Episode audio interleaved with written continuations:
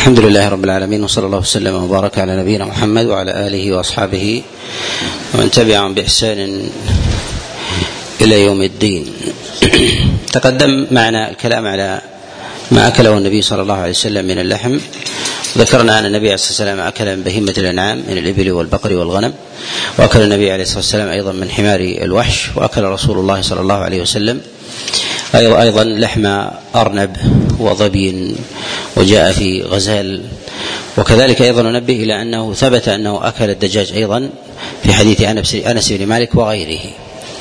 وما لم يثبت عن النبي عليه الصلاة والسلام في هذا هو مما تكلم فيه العلماء من الطيور الحمام. وتكلم أيضا بعض العلماء على اليربوع أيضا في عدم ثبوته وإن جاء في ذلك موقوف عن بعض الصحابة عليهم رضوان الله تعالى يروى في هذا عن عمر وغيره. فننبه إلى أنه ثبت عن النبي عليه الصلاة والسلام أكل الدجاج في حديث أنس بن مالك وغيره. وقد نبهني عليه أحد الإخوة جزاه الله خيرا. نعم.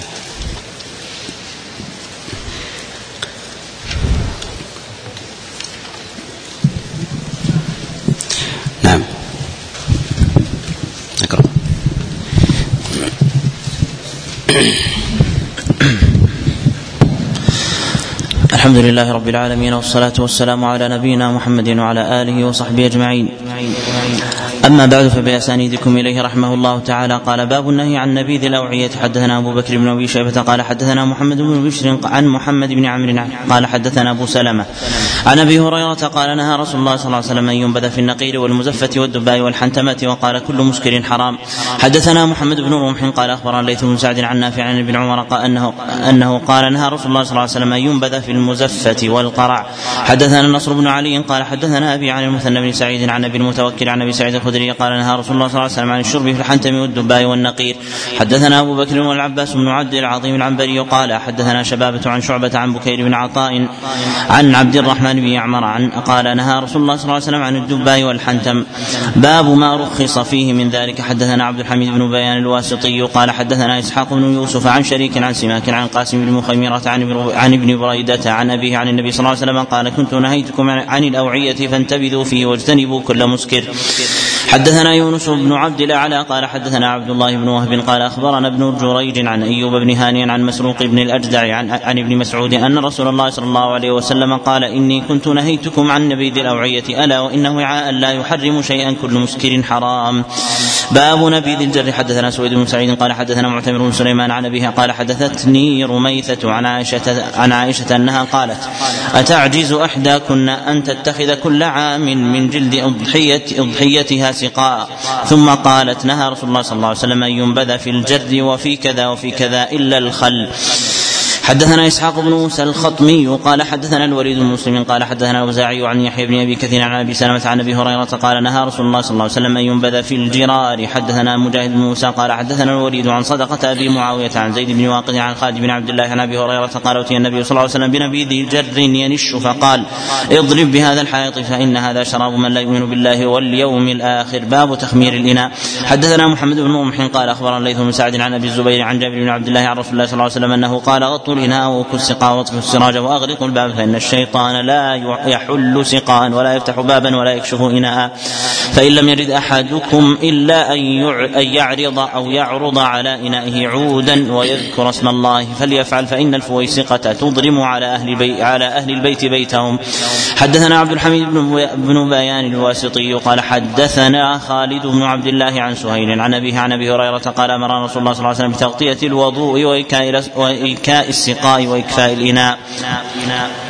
حدثنا عصمة بن الفضل قال حدثنا حرمي حرمي بن عمارة بن أبي بن أبي حفصة قال حدثنا حريش بن خريت قال أخبرنا ابن أبي مليكة عن عائشة قالت كنت أضع لرسول الله صلى الله عليه وسلم ثلاثة آنية من الليل مخمرة إناء لطهوره وإناء لسواكه وإناء لشرابه. باب الشرب في, في آنية الفضة. حدثنا محمد بن روح قال أخبر الليث بن سعد عن نافع عن, عن زيد بن عبد الله بن عمر عن عبد الله بن عبد الرحمن بن أبي بكر عن أم سلمة أن أخبرته عن رسول الله صلى الله عليه وسلم قال إن الذي يشرب في إناء الفضة إنما يجرجر في بطنه نار جهنم. حدثنا محمد بن عبد الملك بن, بن أبي الشوارب قال حدثنا أبو عوانة عن أبي بشر عن مجاهد عن عبد الرحمن بن أبي ليلى عن حذيفة قال نهى رسول الله صلى الله عليه وسلم عن الشرب في آنية الذهب والفضة وقال هي لهم في الدنيا وهي لكم في الآخرة. حدثنا أبو بكر بن أبي شيبة قال حدثنا غندر عن شعبة عن سعد بن إبراهيم عن نافع عن امرأة عن امرأة ابن عمر عن عائشة عن رسول الله صلى الله عليه وسلم قال من شرب في إناء فضة فكأنما يجرجر في بطنه نار جهنم. بسم الله الرحمن الرحيم. والنهي هنا شامل للرجال والنساء من جهة الأكل والشرب. أما بالنسبة للباس فالنهي في ذلك متوجه إلى النساء فقط. وهل يحرم في ذلك الأواني؟ غالية الثمن من بعض المعادن من غير الذهب والفضة. هذا موضع موضع خلاف من الجواهر الثمينة. من معادن الأرض وغير ذلك. والأظهر والله أعلم اختصاص الدليل باعتبار أن أنه حتى العلة التي نهي لأجلها التي يذكرها بعض الفقهاء منها كسر الفقير كذلك آه، أيضا ربما الكبر الذي يقع في نفس الإنسان. يقال إن مثل هذه الدواعي لاشتهار هذه الأواني ومعرفتها عند الناس. أما بعض المعادن التي لا يعرفها إلا أهلها لا يعرفها إلا أهلها ليس في ذلك كسر وليس في ذلك أيضا مدعاة للكبر لعدم معرفة الناس لقيم الأشياء. فالإنسان يتكبر فيما يعلم الناس حظه عنده. وإن كان أقل أحواله قد يقال بالكراهة باعتبار السرف في ذلك. نعم. أحسن الله عليك. باب الشرب بثلاثة أنفاس. حدثنا أبو بكر بن أبي شيبة قال حدثنا ابن مهدي قال حدثنا طبعا المنهي في ذلك هو الأكل والشرب وليس المنهي الاتخاذ. أن يكون لدى الإنسان اتخاذ آنية من الذهب والفضة يستعملها في غير الأكل والشرب.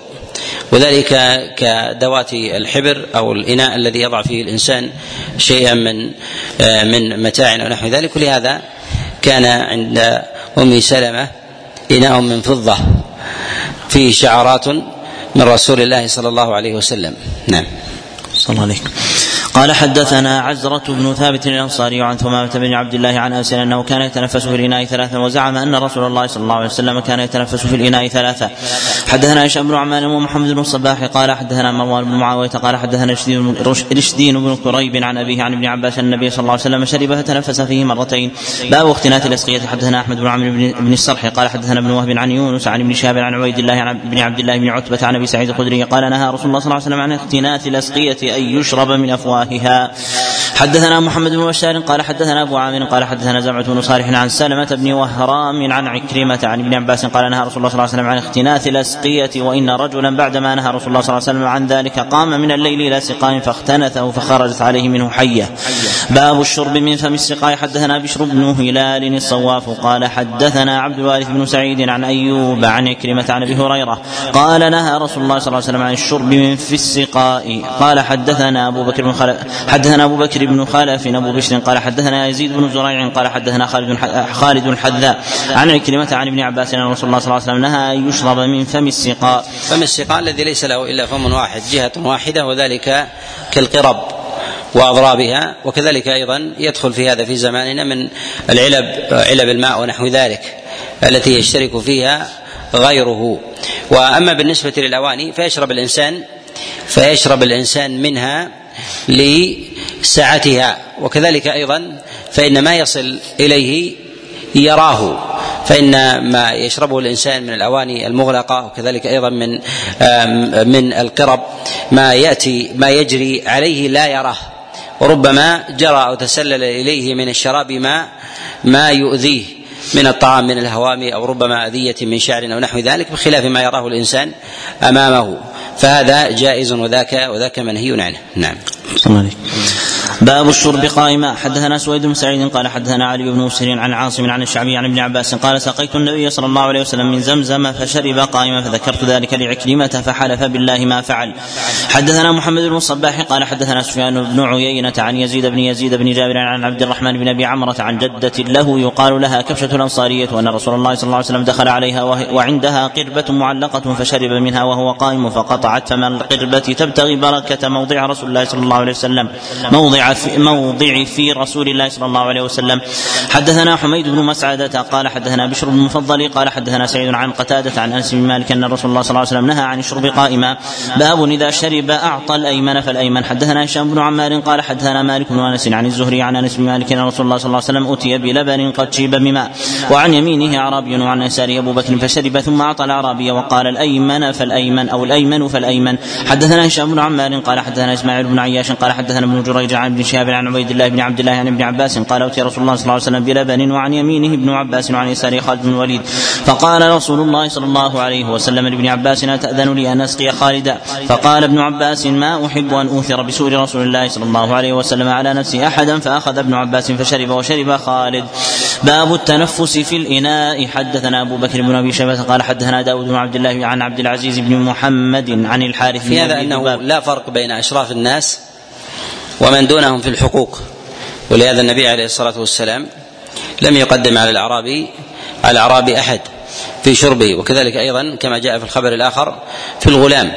ولهذا نقول إن الإنسان في حقه مقدم على غيره ولو كان من اشراف من أشراف الناس ولو شيئا يسيرا في شربة في شربة ماء. نعم. صلى الله عليك. عن الحارث بن أبي ذباب عن عمه عن أبي هريرة قال قال رسول الله صلى الله عليه وسلم إذا شرب أحدكم فلا يتنفس في الإناء فإذا أراد أن يعود فلينحي الإناء ثم ليعد إن كان يريد. حدثنا بكر بن خلف أبو بشر قال حدثنا يزيد بن زريع عن خالد الحداء عن عكرمة عن, عن ابن عباس قال نهى رسول الله صلى الله عليه وسلم عن التنفس في الإناء. باب النفخ في الشراب. حدثنا أبو بكر بن خلاد الباهلي وقال حدثنا سفيان عن عبد الكريم عن عبد الكريم عن عكرمة عن عن ابن عباس قال نهى رسول الله صلى الله عليه وسلم أن ينفخ في الإناء. حدثنا أبو كريب قال حدثنا عبد الرحيم بن عبد الرحمن بن المحاربي عن شريك عن عبد الكريم عن عكرمة عن ابن عباس قال لم يكن رسول الله صلى الله عليه وسلم ينفخ في الشراب. باب باب الشرب بالأكف والكرع.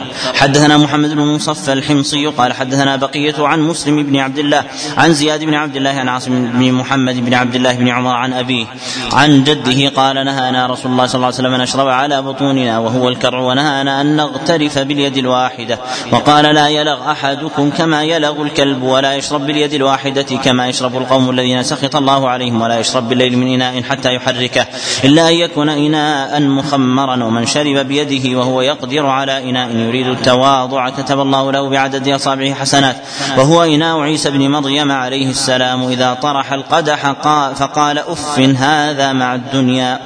حدثنا أحمد بن منصور أبو بكر قال حدثنا يونس بن محمد قال حدثنا فريح بن سليمان عن سعيد بن الحارث عن جابر بن عبد الله قال دخل رسول الله صلى الله عليه وسلم على رجل من الأنصار وهو يحول الماء في حائطه وهو يحول الماء في حائطه فقال له رسول الله صلى الله عليه وسلم إن كان عندك ماء بات في شن فاسقنا وإلا كرعنا قال عندي ماء بات في شن فانطلق فانطلق وانطلقنا معه إلى العريش فحلب له شاة على ماء بات في شن فشرب ثم فعل مثل ذلك بصاحبه الذي معه. حدثنا واصل بن عبد الاعلى قال حدثنا, ابن فضيل عن ليث عن سعيد بن عامر عن ابن عمر قال مررنا على بركة فجعلنا نكرع فيها فقال رسول الله صلى الله عليه وسلم لا تكرعوا ولكن اغسلوا أيديكم ثم اشربوا فيها فإنه ليس إناء أطيب من اليد. باب ساق باب ساق القوم آخرهم.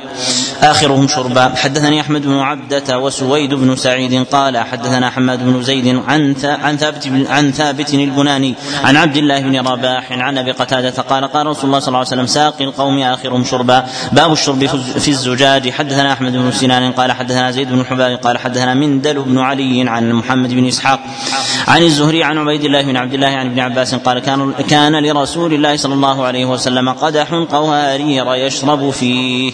أبواب الطب. باب ما أنزل الله داء إلا أنزل له شفاء. حدثنا أبو بكر بن أبي شيبه وهشام بن عمار قال حدثنا سفيان بن عيينة عن زياد بن علاقة عن أسامة بن شريك. قال شهدت الأعراب يسألون بعدما انتهى المصنف رحمه الله من طب الأديان بدأ بطب الأبدان. وهذه لطيفة انه يقدم ما يتعلق بطب الدين وكذلك المعاني والعقول بإصلاحها وتقويمها وكذلك ما يطرأ على الفطر من الانحراف. سواء كان ذلك في أمور النفوس وكذلك أيضا العقول. فجاء بالأحكام الشرعية الواردة عن النبي عليه الصلاة والسلام في ذلك في أمور السنة والتوحيد وكذلك أيضا العبادات من الطهارة والصلاة والصيام والزكاة والحج وما وما يلي ذلك مما يتعلق بدين بدين العبد. ومعلوم أن العلم هو هو شفاء شفاء لامراض أمراض الجهل. وكذلك أيضا فإن الطب فيما يسمى بطب طب الأبدان هو شفاء لامراض لأمراض الجسد. نعم. صلى الله عليك. عن أسامة بن شريك قال شهدت الأعراب يسألون النبي صلى الله عليه وسلم علينا حرج في كذا علينا حرج في كذا فقال لهم عباد الله عباد الله فوضع الله الحرج إلا من اقترض من عرض أخيه شيئا فذاك, فذاك الذي حرج. قالوا يا رسول الله هل علينا جناح أن نتداوى؟ قال تداووا عباد الله فإن الله سبحانه لم يضع داء إلا وضع معه شفاء إلا الهرم. قالوا يا رسول الله ما خير ما أعطي العبد؟ قال خلق حسن. حدثنا محمد بن الصباح قال أخبرنا سفيان بن عيينة عن الزهري عن ابن أبي خزامة عن أبي خزامة قال سئل رسول الله صلى الله عليه وسلم رأيت أدوية نتداوى بها ورقا نسترقي بها وتقا نتقيها هل ترد من قدر الله شيئا قال هي من قدر الله. حدثنا محمد بن بشار قال حدثنا عبد الرحمن بن مهدي قال حدثنا سفيان عن عطاء بن سائب عن أبي عبد الرحمن عن عبد الله عن النبي صلى الله عليه وسلم قال ما أنزل الله داء إلا أنزل له دواء. حدثنا أبو بكر بن أبي شيبة وإبراهيم بن سعيد الجوهري قال حدثنا أبو أحمد عن عمر بن سعيد بن أبي بن أبي حسين قال حدثنا عطاء. عن أبي هريرة قال قال رسول الله صلى الله عليه وسلم ما أنزل الله داء إلا أنزل له شفاء. باب المريض يشتهي الشيء.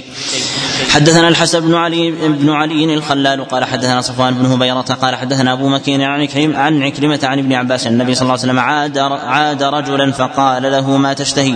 فقال اشتهي خبز خبز بر فقال النبي صلى الله عليه وسلم من كان عنده خبز بر فليبعث إلى أخيه. ثم قال النبي صلى الله عليه وسلم إذا اشتهى مريض أحدكم شيئا فليطعم. حدثنا سفيان بن وكيع قال حدثنا أبو يحيى الحماني عن عن الأعمش عن يزيد الرقاشي عن أنس بن مالك قال دخل النبي صلى الله عليه وسلم على مريض يعوده فقال قال تشتهي شيئا؟ تشتهي كعكا. قال نعم فطلبوا له. باب الحمية. حدثنا أبو بكر بن أبي شيبة قال حدثنا يونس بن محمد قال حدثنا فليح بن سليمان عن أيوب بن عبد الرحمن بن عبد الله بن أبي صعصعة حاء وحدثنا محمد بن بشار قال حدثنا أبو عامر وأبو داود قال حدثنا فليح بن سليمان عن أيوب بن عبد الرحمن عن يعقوب بن أبي يعقوب عن أم المنذر بنت قيس الأنصارية قال دخل علينا رسول الله صلى الله عليه وسلم معه علي بن أبي طالب وعلي ناقه من مرض. ولنا دوالي ولنا دوالي معلقة. وكان النبي صلى الله عليه وسلم يأكل منها فتناول علي ليأكل. فقال النبي صلى الله عليه وسلم مه يا علي إنك ناقه. قالت فصنعت للنبي صلى الله عليه وسلم سلقا وشعيرا. فقال النبي صلى الله عليه وسلم لعلي من هذا فاصب فإنه أنفع لك. حدثنا عبد الرحمن بن عبد الوهاب قال حدثنا موسى بن إسماعيل قال حدثنا ابن المبارك عن عبد الحميد بن صيفي من ولد صهيب عن أبيه عن جده صهيب. قال قدمت على النبي صلى الله عليه وسلم وبين يديه خبز وتمر فقال النبي صلى الله عليه وسلم ادن فكل فاخذت اكل من التمر. فقال النبي صلى الله عليه وسلم تأكل تمرا وبك رمد.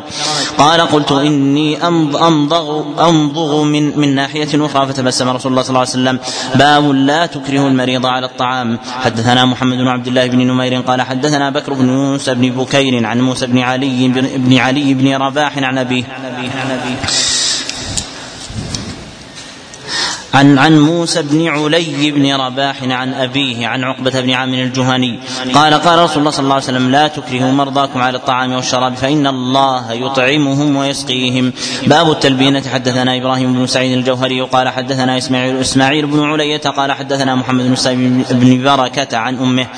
عن عائشة قالت كان رسول الله صلى الله عليه وسلم إذا أخذ أهله الوعك أمر بالحساء قالت وكان يقول إنه لير إنه ليرتو فؤاد الحزين. ويسرو عن فؤاد السقيم. كما تسرو إحداكن الوسخ عن وجهها بالماء. حدثنا علي بن أبي الخصيب قال حدثنا وكيع عن أيمن بن عن أيمن بن نابل عن امرأة من قريش يقال لها كلثم عن عائشة قالت قال النبي صلى الله عليه وسلم عليكم بالبغيض النافع التلبينة يعني الحساء. قالت وكان رسول الله صلى الله عليه وسلم إذا اشتكى أحد من أهله لم تزل البرمة على النار حتى ينتهي أحد طرفيه يعني يبرأ أو يموت. باب الحبة السوداء. حدثنا محمد بن رمح ومحمد بن الحارث المصريان قال حدثنا الليث بن سعد عن عقيل بن عن عقيل عن ابن شهاب اخبرني قال أخبرني أبو سلمة بن عبد الرحمن وسعيد بن المسيب أن أبا هريرة أخبرهما أنه سمع رسول الله صلى الله عليه وسلم يقول إن في الحبة السوداء شفاء من كل داء إلا السام والسام الموت والحبة السوداء الشونيز. حدثنا أبو سلمة يحيى بن خلف قال حدثنا أبو عاصم عن عثمان بن عبد الملك قال سمعت سالم بن عبد الله يحدث عن أبيه أن رسول الله صلى الله عليه وسلم قال عليكم بهذه الحبة السوداء فإن فيها شفاء من كل داء إلا السام حدثنا أبو بكر بن أبي شيبة قال حدثنا عبد الله قال أخبرنا إسرائيل اسرائيل عن منصور عن خالد بن سعد قال خرجنا ومعنا غالب بن أبجر غالب بن أبجر. فمرض في الطريق فقدمنا المدينة وهو مريض فعاده ابن أبي عتيق وقال له عليكم بهذه الحبة السوداء. فخذوا منها خمسا وسبعا فاسحقوها ثم اقطروها في أنفه بقطرات زيت في هذا الجانب في هذا الجانب. فإن عائشة حدثتهم أنها سمعت رسول الله صلى الله عليه وسلم يقول إن هذه الحبة السوداء شفاء من كل داء إلا أن يكون السام. قلت وما السام؟ قال الموت. باب العسل. حدثنا محمود بن خداش. قال حدثنا سعيد بن زكريا القرشي. قال حدثنا الزبير بن سعيد الهاشمي عن عبد الحميد بن سالم عن أبي هريرة قال قال رسول الله صلى الله عليه وسلم من لعق العسل ثلاث غدوات كل شهر لم يصبه عظيم من البلاء. حدثنا أبو بشر بكر بن خلف قال حدثنا عمر بن سالم قال حدثنا أبو حمزة العطار عن الحسن عن جابر بن عبد الله قال أهدي للنبي صلى الله عليه وسلم عسل فقسم بيننا لعقة لعقه فأخذت لعقتي ثم قلت يا رسول الله أزداد أخرى؟ قال نعم. حدثنا علي بن سلمة قال حدثنا زيد بن حباب قال حدثنا سفيان عن أبي عن أبي إسحاق عن أبي الاعوص عن, عن أبي الأحوص عن عبد الله قال قال رسول الله صلى الله عليه وسلم عليكم بالشفاين العسل والقرآن. والعسل شفاء بلا بيان مقدار. في ذلك عن النبي عليه الصلاة والسلام وإنما جاء فيه الشربة. وأما مقدار ذلك عن رسول الله صلى الله عليه وسلم فجاء فيه جملة من الأخبار لا تخلو من علة. نعم. صلى الله عليه باب الكمة والعجوة. حدثنا محمد بن عبد الله بن نمير قال حدثنا اسباط محمد قال حدثنا أعمش عن جعفر بن ياس عن شاي بن حوشب عن, عن أبي سعيد وجابر قال قال رسول الله صلى الله عليه وسلم الكمأة من المن وماؤها شفاء للعين والعجوة من الجنة وهي شفاء من السم. حدثنا علي بن ميمون ومحمد بن عبد الله الرقيان قال حدثنا سعيد بن مسلمة بن هشام عن الأعمش عن جعفر بن اياس عن جعفر بن اياس عن أبي نضرة عن أبي سعيد الخدري عن النبي صلى الله عليه وسلم مثله. حدثنا محمد بن الصباح قال حدثنا سفيان بن عيينة عن عبد الملك بن عمر قال سمع عمرو بن حريث حريث يقول سمعت سعيد بن زيد بن عمرو بن نفيل يحدث عن النبي صلى الله عليه وسلم أن الكمأة من المن الذي أنزل الله على بني إسرائيل وماؤها شفاء للعين. حدثنا محمد بن بشار قال حدثنا أبو عبد الصمد قال حدثنا مطر الوراق. عن شهر بن حوشب عن أبي هريرة قال كنا نتحدث عن عند رسول الله صلى الله عليه وسلم فذكرنا الكمأة فقالوا هو جدري الأرض فنمي الحديث إلى رسول الله صلى الله عليه وسلم فقال رسول الله صلى الله عليه وسلم الكمأة من المن والعجوة من الجنة وهي شفاء من السم. حدثنا محمد بن بشار قال حدثنا عبد الرحمن بن مهدي قال حدثنا المشمعل بن إياس المزني قال حدثني عمرو بن سليم قال سمعت رافع بن عمرو المزني قال سمعت رسول الله صلى الله عليه وسلم يقول العجوة والصخرة من الجنة. قال عبد الرحمن حفظت الصخرة من فيه. باب السنا والسنوت. حدثنا إبراهيم بن محمد بن يوسف بن سرج بن سرج الفريابي قال حدثنا عمرو بن بكر قال حدثنا عمرو بن بكر السكسكي قال حدثنا إبراهيم بن أبي عبلة قال سمعت أبا ابي أبا ابي بن أم حرام وكان قد صلى مع رسول الله صلى الله عليه وسلم قبلتين يقول سمعت رسول الله صلى الله عليه وسلم يقول علينا بس عليكم بالسنا والسنوت فإن فيهما شفاء من كل داء إلا السام. قيل يا رسول الله وما السام؟ قال الموت. قال عمرو قال ابن أبي عبلة السنوت الشبت. وقال آخرون بل هو العسل الذي يكون في زقاق السم. وهو قول الشاعر هم السمن بالسنوت لا ألس فيهم وهم يمنعون الجار أن يتقرد باب الصلاة شفاء باب الصلاة شفاء. حدثنا جعفر بن مسافر قال حدثنا السري بن مسكين قال حدثنا ذواد بن علبة بن عن ليث عن مجاهد عن أبي هريرة قال هجر النبي صلى الله عليه وسلم فهجرت فصليت ثم جلست. فالتفت إلي النبي صلى الله عليه وسلم فقال فالتفت إلي النبي صلى الله عليه وسلم فقال اشكن بدرد. فقلت قلت نعم يا رسول الله. قال قم فصل فإن في الصلاة شفاء. قال أبو قال أبو الحسن القطان حدثنا إبراهيم بن نصر قال حدثنا أبو سلمة قال حدثنا ذواد بن علبة فذكر نحوه قال فيه إشكن بدر يعني تشتكي بطنك بالفارسية. باب النهي عن الدواء الخبيث حدثنا أبو بكر بن أبي شيبة قال حدثنا وكيع عن يونس بن عن يونس بن عن يونس بن أبي إسحاق عن مجاهد عن أبي هريرة قال نهى رسول الله صلى الله عليه وسلم عن الدواء الخبيث يعني السم. حدثنا أبو بكر بن أبي شيبة قال حدثنا وكيع عن الأعمش عن أبي صالح. عن أبي هريرة قال قال رسول الله صلى الله عليه وسلم من شرب سما فقتل نفسه فهو يتحسه في نار جهنم خالدا مخلدا فيها بدا باب دواء المشي الريشي حدثنا أبو بكر بن ابي شيبة قال حدثنا أبو اسامه عن عبد الحميد بن جعفر عن زرعة بن عبد الرحمن عن مولى لمعمر لمعمر التيمي عن أسماء بنت عميس قالت قال لي رسول الله صلى الله عليه وسلم بماذا كنت تست بماذا كنت تستمشين؟ قلت بالش قلت بالشبرم قال حار حار ثم استمشيت ثم استمشيت بالسنا فقال قال قال حار جار ثم استمشيت بالسنا فقال لو كان شيء يشفي من الموت كان السنا والسنا شفاء من الموت. باب دواء العذرة والنهي والنهي باب دواء العذرة والنهي عن الغمز. حدثنا أبو بكر بن أبي شيبة ومحمد ومحمد بن الصباح قال حدثنا سفيان بن عيينة والخبيث لا يسمى به إلا إلا الشيء النجس أو الأمر المحرم الذي حرمه الله جل وعلا فيطلق عليه الخبيث. وبهذا نعلم أن تسمية بعض الأمراض بالخبيث بعض يسمى بالأورام ونحو ذلك هذا هذا من الخطأ. وذلك أن الله سبحانه وتعالى لا يسلط مرضا على عبد على عبد من عباده إلا ويريد من ذلك رحمة ولطفا. وإن صبر أجر وأثيب على ذلك. وإن عافاه الله سبحانه وتعالى وشكر فهو فهو على خير. نعم. صلى الله عليه حدثنا أبو بكر بن أبي شيبة ومحمد بن الصباح قال حدثنا سفيان بن عيينة عن الزهري عن عبيد الله بن عبد الله عن أم قيس بنت محصن قالت دخلت بابن لي, بابن لي على النبي صلى الله عليه وسلم وقد علقت عليه من العذرة فقال علامة علامة تدغرن أولادكن بهذا العلا بهذا العلاق عليكم بهذا العود الهندي. فإن فيه سبعة أشفية يسعط به من العذرة ويلد به من ذات ومن الخطأ أيضا ان أن يظن أن مرض السرطان مرض جديد حادث بل يذكره العرب وله ذكر في القرن الثالث والرابع ويسمى بهذا الاسم. نعم. صلى الله حدثنا أحمد بن عمرو بن السرح المصري وقال حدثنا عبد الله بن وهب قال حدثنا يونس عن ابن شهاب عن عبيد الله عن أم قيس بنت محصن عن النبي صلى الله عليه وسلم بنحوه قال يونس أعلقت يعني غمست.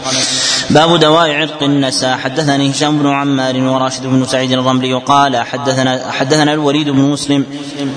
قال حدثنا هشام بن حسان قال حدثنا أنس بن أنس بن سيرين أنه سمع أنس بن مالك يقول سمعت رسول الله صلى الله عليه وسلم يقول شفاء عرق النساء ألية شاة أعرابية تذاب ثم تجزأ ثلاثة أجزاء ثم يشرب على الريق في كل يوم جزء. باب دواء الجراحة. حدثنا هشام بن عمار ومحمد بن صباح قال حدثنا عبد العزيز بن أبي حازم عن أبي عن سالم بن سعد الساعدي قال جرح رسول الله صلى الله عليه وسلم يوم أحد وكسرت رباعيته وهشمت البيضة على رأسه فكانت فاطمة تغسل الدم عنه وعلي يسكب عليها الماء بالمجن فلما رأت فاطمة أن الماء لا يزيد الدم إلا كثرة أخذت قطعة حصين فأحرقتها حتى إذا صارت رمادا ألزمته الجرح فاستمسك الدم. حدثنا عبد الرحمن بن إبراهيم قال حدثنا ابن أبي فديك قال حدثنا عبد المهيمن بن عباس بن سالم بن سعد الساعدي عن أبيه عن جده قال إني لا أعرف يوم أحد من من جرح وجه رسول الله صلى الله عليه وسلم ومن كان يرقئ الكلم من وجه رسول الله صلى الله عليه وسلم ويداويه. ومن يحمل الماء في المجن وبما دوي به الكلم حتى رقى. قال أم أما من كان يحمل الماء في المجن فعلي وأما من كان يداوي الكلم ففاطمة. أحرقت له حين لم يرقى قطعة حصير خلق, خلق فوضعت رماده عليه فرقى الكلم.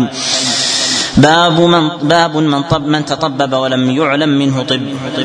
حدثنا هشام بن عمار وراشد بن سعيد الرملي قال حدثنا الوليد بن مسلم قال حدثنا ابن جريج عن عمرو بن شعيب عن ابيه عن جده قال قال رسول الله صلى الله عليه وسلم من تطبب ولم يعلم منه طب قبل ذلك فهو ضامن. باب دواء ذات الجنب. حدثنا عبد الرحمن بن عبد الوهاب قال حدثنا يعقوب بن إسحاق قال حدثنا عبد الرحمن بن ميمون قال حدثني أبي عن زيد بن ألقمة قال نعت رسول الله صلى الله عليه وسلم من ذات الجنب ورسا وقسطا وزيتا يلد به. حدثنا أبو طاهر أحمد بن عمرو بن السرح المصري قال حدثنا عبد الله بن وهب قال أخبرنا يونس وابن وابن سمعان عن ابن شهاب عن عبيد الله بن عبد الله بن عتبة عن أم قيس بنت محسن قالت قال رسول الله صلى الله عليه وسلم عليكم بالعود الهندي يعني به الكست. فإن فيه سبعة أشفية منها ذات الجنب. قال قال ابن سمعان في الحديث فإن فيه شفاء من سبعة أدواء منها ذات الجنب. باب الحمى. حدثنا أبو بكر بن أبي شيبة قال حدثنا وكيع عن موسى بن عبيدة عن علقمة بن مرثد عن حفص بن عبيد الله. عن أبي هريرة قال ذكرت ذكرت الحمى عند رسول الله صلى الله عليه وسلم فسبها رجل فقال النبي صلى الله عليه وسلم لا تسبها فإنها تنفي الذنوب كما تنفي النار خبث الحديد. حدثنا أبو بكر بن أبي شبة قال حدثنا أبو سامة عن عبد الرحمن بن يزيد عن إسماعيل بن عبيد الله عن أبي صالح الأشعري عن, عن أبي هريرة عن النبي صلى الله عليه وسلم أنه عاد مريضا معه أبو هريرة من وعك كان به. فقال رسول الله صلى الله عليه وسلم أبشر فإن الله يقول هي نار يسلطها على عبد المؤمن المؤمن في الدنيا لتكون حظه من النار في الآخرة. باب الحمى من فيح جهنم فابردوها بالماء. حدثنا أبو بكر بن أبي شبة قال حدثنا عبد الله بن نمير عن هشام بن عروة عن أبيه عن عائشة أن النبي صلى الله عليه وسلم قال الحمى من فيح جهنم فابردوها بالماء. حدثنا علي بن محمد قال حدثنا عبد الله بن نمير عن عبيد الله بن عمر عن نافع عن ابن عمر عن النبي صلى الله عليه وسلم أنه قال إن شدة الحمى من فيح جهنم فابردوها بالماء. حدثنا محمد بن عبد الله بن نمير قال حدثنا مصعب بن المقدام قال حدثنا إسرائيل عن سعيد بن مسروق عن عبادة بن رفاعة عن رافع بن خديج قال سمعت النبي صلى الله عليه وسلم يقول الحمى من فيح جهنم فابردوها بالماء ودخل على ابن على ابن لعمار فقال اكشف اللباء اكشف الباس رب الناس إله الناس. حدثنا أبو بكر بن أبي شبة قال حدثنا عبدة بن سليمان عن هشام بن عروة عن فاطمة بنت المنذر عن أسماء بنت أبي بكر أنها كانت تؤتى بالمرأة الموعوكة. فتدعو بالماء فتصبه في جيبها وتقول إن النبي صلى الله عليه وسلم قال بردوها بالماء. وقال إنها من فيح جهنم. حدثنا أبو سلمة يحيى بن خلف قال حدثنا عبد الاعلى عن سعيد عن قتادة عن الحسن عن أبي هريرة أن رسول الله صلى الله عليه وسلم قال الحمى كير من كير جهنم فنحوها عنكم بالماء البارد. باب الحجامة. حدثنا أبو بكر بن شبه قال حدثنا اسود بن عامر قال حدثنا حماد بن سلمة عن محمد بن عمرو عن أبي سلمة عن أبي هريرة عن النبي صلى الله عليه وسلم قال إن كان في شيء مما تداوون به خير في الحجامة. حدثنا نصر بن علي الجهضمي قال حدثنا زياد بن الربيع قال حدثنا عباد بن منصور عن عكرمة عن ابن عباس أن رسول الله صلى الله عليه وسلم قال ما مررت ليلة أسري بي بملأ من الملائكة إلا كلهم يقول لي عليك يا محمد بالحجامة. حدثنا أبو بشر بكر بن خلف قال حدثنا عبد الأعلى قال أخبرنا عباد بن منصور عن عن عكرمة عن ابن عباس قال قال رسول الله صلى الله عليه وسلم نعم العبد الحجام يذهب بالدم ويخف الصلب ويجل البصر. حدثنا جبارة بن المغلس قال حدثنا كثير بن سليم سليم قال سمعت أنس بن مالك يقول قال رسول الله صلى الله عليه وسلم ما مررت ليلة أسري بي بملأ إلا قالوا يا محمد مر أمتك بالحجامة. وهذا أحد الثلاثيات لدى ابن ماجه. نعم. حدثنا محمد بن روح المصري قال أخبرنا الليث بن سعد عن أبي الزبير عن جابر أن مسلمة زوج النبي صلى الله عليه وسلم استأذنت رسول الله صلى الله عليه وسلم في الحجامة فأمر النبي صلى الله عليه وسلم ابا طيبة أن يحجمها. وقال حسبت أنه كان أخاها من الرضاعة أو غلاما لم يحتلم باب موضع الحجامة. حدثنا أبو بكر بن شيبة قال حدثنا خالد بن مخلد قال حدثنا سليمان بن بن بلال قال حدثني علقمة بن أبي علقمة قال سمعت عبد الرحمن الأعرج قال سمعت عبد الله بن بحينه يقول احتجم رسول الله صلى الله عليه وسلم بلحي جمل وهو محرم وسط رأسه. حدثنا سويد بن سعيد قال حدثنا علي بن مسلم قال عن سعد بن عن سعد الإسكاف عن الأصبغ بن نباتة عن علي قال نزل جبريل على النبي صلى الله عليه وسلم بحجامة الأخدعين والكاهل. حدثنا علي بن أبي الخصيب قال حدثنا وكيع عن جرير بن حازم عن قتادة عن أنس إن النبي صلى الله عليه وسلم احتجم في الأخدعين وعلى الكاهل. حدثنا محمد بن مصفى الحمصي قال حدثنا الوليد بن مسلم قال حدثنا ابن ثوبان عن أبيه عن أبي كبشة الأنماري أنه حدثه أن النبي صلى الله عليه وسلم وسلم كان يحتجم على هامته وبين كتفيه ويقول من أهراق منه هذه الدماء؟ فلا يضره ألا يتداوى بشيء لشيء. حدثنا محمد بن طريف قال حدثنا وكيع عن الأعمش عن أبي سفيان عن جابر النبي صلى الله عليه وسلم سقط عن فرسه على جذع فانفكت قدمه. قال وكيع يعني أن النبي صلى الله عليه وسلم احتجم عليها من وث من وث باب في أي الأيام يحتجم؟ حدثنا سويد بن سعيد قال حدثنا عثمان بن مطر عن زكريا عن زكريا بن ميسرة عن النحاس بن قهم. عن أنس بن مالك أن رسول الله صلى الله عليه وسلم قال من اراد الحجامة فليتحرى سبعة عشر أو تسعة عشر أو أحدا وعشرين. لا يتبيغ لا يتبيغ بأحدكم الدم فيقتله. حدثنا سويد بن سعيد قال حدثنا عثمان بن مطر عن الحسن بن أبي جعفر عن محمد بن جحادة عن نافع عن ابن عمر. قال يا نافع قد تبيغ بي الدم فالتمس لي حجاما واجعله رفيقا إن استطعت ولا تجعله شيخا كبيرا ولا صبيا صغيرا فإني سمعت رسول الله صلى الله عليه وسلم يقول يقول الحجامة على الريق أمثل وفيه شفاء وبركة وتزيد في العقل وفي الحفظ فاحتجموا على بركة الله يوم الخميس. واجتنبوا الحجامة يوم الأربعاء والجمعة والسبت ويوم الأحد تحريا. واحتجموا يوم الاثنين والثلاثاء فإنه اليوم الذي عافى الله فيه أيوب من البلاء وضربه بالبلاء يوم الأربعاء فإنه لا يبدو جذام ولا برص إلا يوم الأربعاء وليلة الأربعاء. حدثنا محمد بن مصفى الحمصي قال حدثنا عثمان بن عبد الرحمن قال حدثنا عبد الله بن عصم بن عصمة بن عصمة عن سعيد بن ميمون عن نافع قال قال ابن عمر يا نافع تبيغ بي الدم فأتني بحجام واجعله شابا ولا تجعله شيخا ولا صبيا. قال وقال ابن عمر سمعت رسول الله صلى الله عليه وسلم يقول الحجامة على الرق يمثل وهي تزيد في العقل وتزيد في الحفظ وتزيد الحافظ حفظا. فمن كان محتجما فيوم الخميس على اسم الله واجتنبوا الحجامة يوم الجمعة ويوم السبت ويوم الأحد واحتجموا يوم الاثنين والثلاثاء واجتنبوا الحجامة يوم الأربعاء فإنه اليوم الذي أصيب فيه أيوب بالبلاء وما يبدو جذام ولا برص إلا في يوم الأربعاء وليلة الأربعاء. الإمام أحمد رحمه الله يعل الأحاديث التي فيها النهي عن أيام معلومة في الحجامة. ومع ذلك يقول بكراهة ذلك. ومع ذلك يقول به الكراهة لأن القاعدة عند الإمام أحمد رحمه الله أن النهي إذا جاء عن رسول الله صلى الله عليه وسلم ولم ولا, ولا يوجد ما يعارضه فإنه يقول فيه في أبواب التنزيه في أبواب التنزيه والأدب. ويقول هنا بكراهة الحجامة في هذه الأيام مع القول بضعف الأحاديث الواردة في هذا الباب. صلى الله عليه وسلم. نعم. باب الكي حدثنا أبو بكر بن أبي شيبة قال حدثنا إسماعيل بن علية عن ليث عن مجاهد عن عقار بن المغيرة عن أبيه عن النبي صلى الله عليه وسلم قال من اكتوى أو استرقى فقد برئ من التوكل.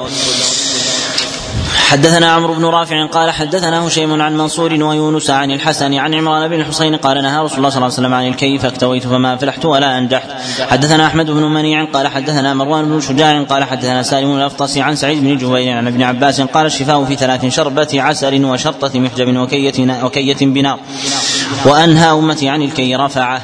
باب من اكتوى. حدثنا أبو بكر بن أبي ومحمد بن بشار قال حدثنا محمد بن جعفر غندر حدثنا شعبة حاء وحدثنا أحمد بن سعيد الدارمي قال حدثنا النضر بن شميل قال حدثنا شعبة قال حدثنا محمد بن عبد الرحمن بن سعد بن زرارة الأنصاري قال سمعت عمي يحيى وما أدركت رجلا منا به شبيها يحدث الناس أن أسعد بن زرارة وهو جد محمد من قبل أمه أنه أخذه وجع في حلقه.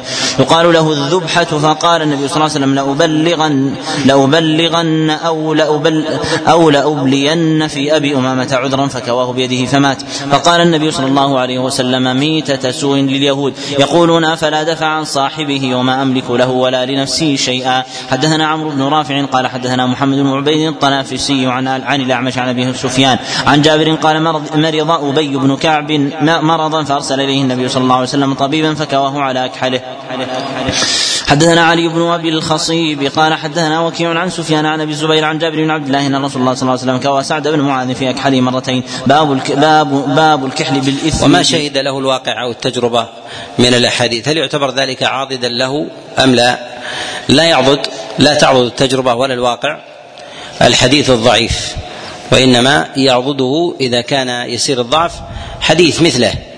وأما الواقع فإن ليس كل شيء لدى الناس من المعاني والألفاظ وكذلك من واقعهم ينسب إلى رسول الله صلى الله عليه وسلم. صلى الله عليه باب الكحل بالاثم بالإثم. حدثنا أبو سلمة يحيى يحيى بن خلف قال حدثنا أبو عاصم قال حدثني عثمان بن عبد الملك قال سمعت سالم بن عبد الله يحدث عن أبيه قال قال رسول الله صلى الله عليه وسلم عليكم بالإثم فإنه يجهل البصر وينبت الشعر. حدثنا أبو بكر بن أبي شبه قال حدثنا عبد الرحيم بن سليمان عن إسماعيل بن إسماء بن مسلم عن محمد بن المنكدر عن جابر قال سمعت رسول الله صلى الله عليه وسلم يقول عليكم بالإثم عند النوم فإنه يجهل البصر وينبت الشعر. حدثنا أبو بكر بن أبي شيبة قال حدثنا يحيى بن آدم عن سفيان عن أبي خثيم عن سعيد بن جبير عن ابن عباس قال قال رسول الله صلى الله عليه وسلم خير خير اكحالكم الاثم الاثمد يجلو البصر وينبت الشعر.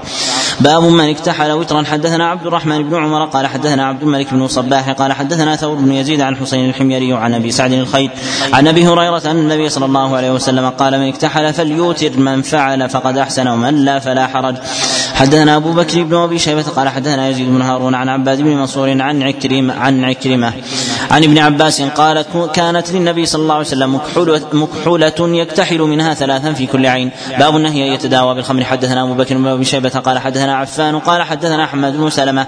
حد قال حدثنا سماك بن حرب عن علقمة بن وائل الحضرمي عن طارق بن سويد الحضرمي قال قلت يا رسول الله إن بأرضنا أعنابا نعتصرها فنشرب منها قال لا فراجعته قلت إنا نستشفي به للمريض.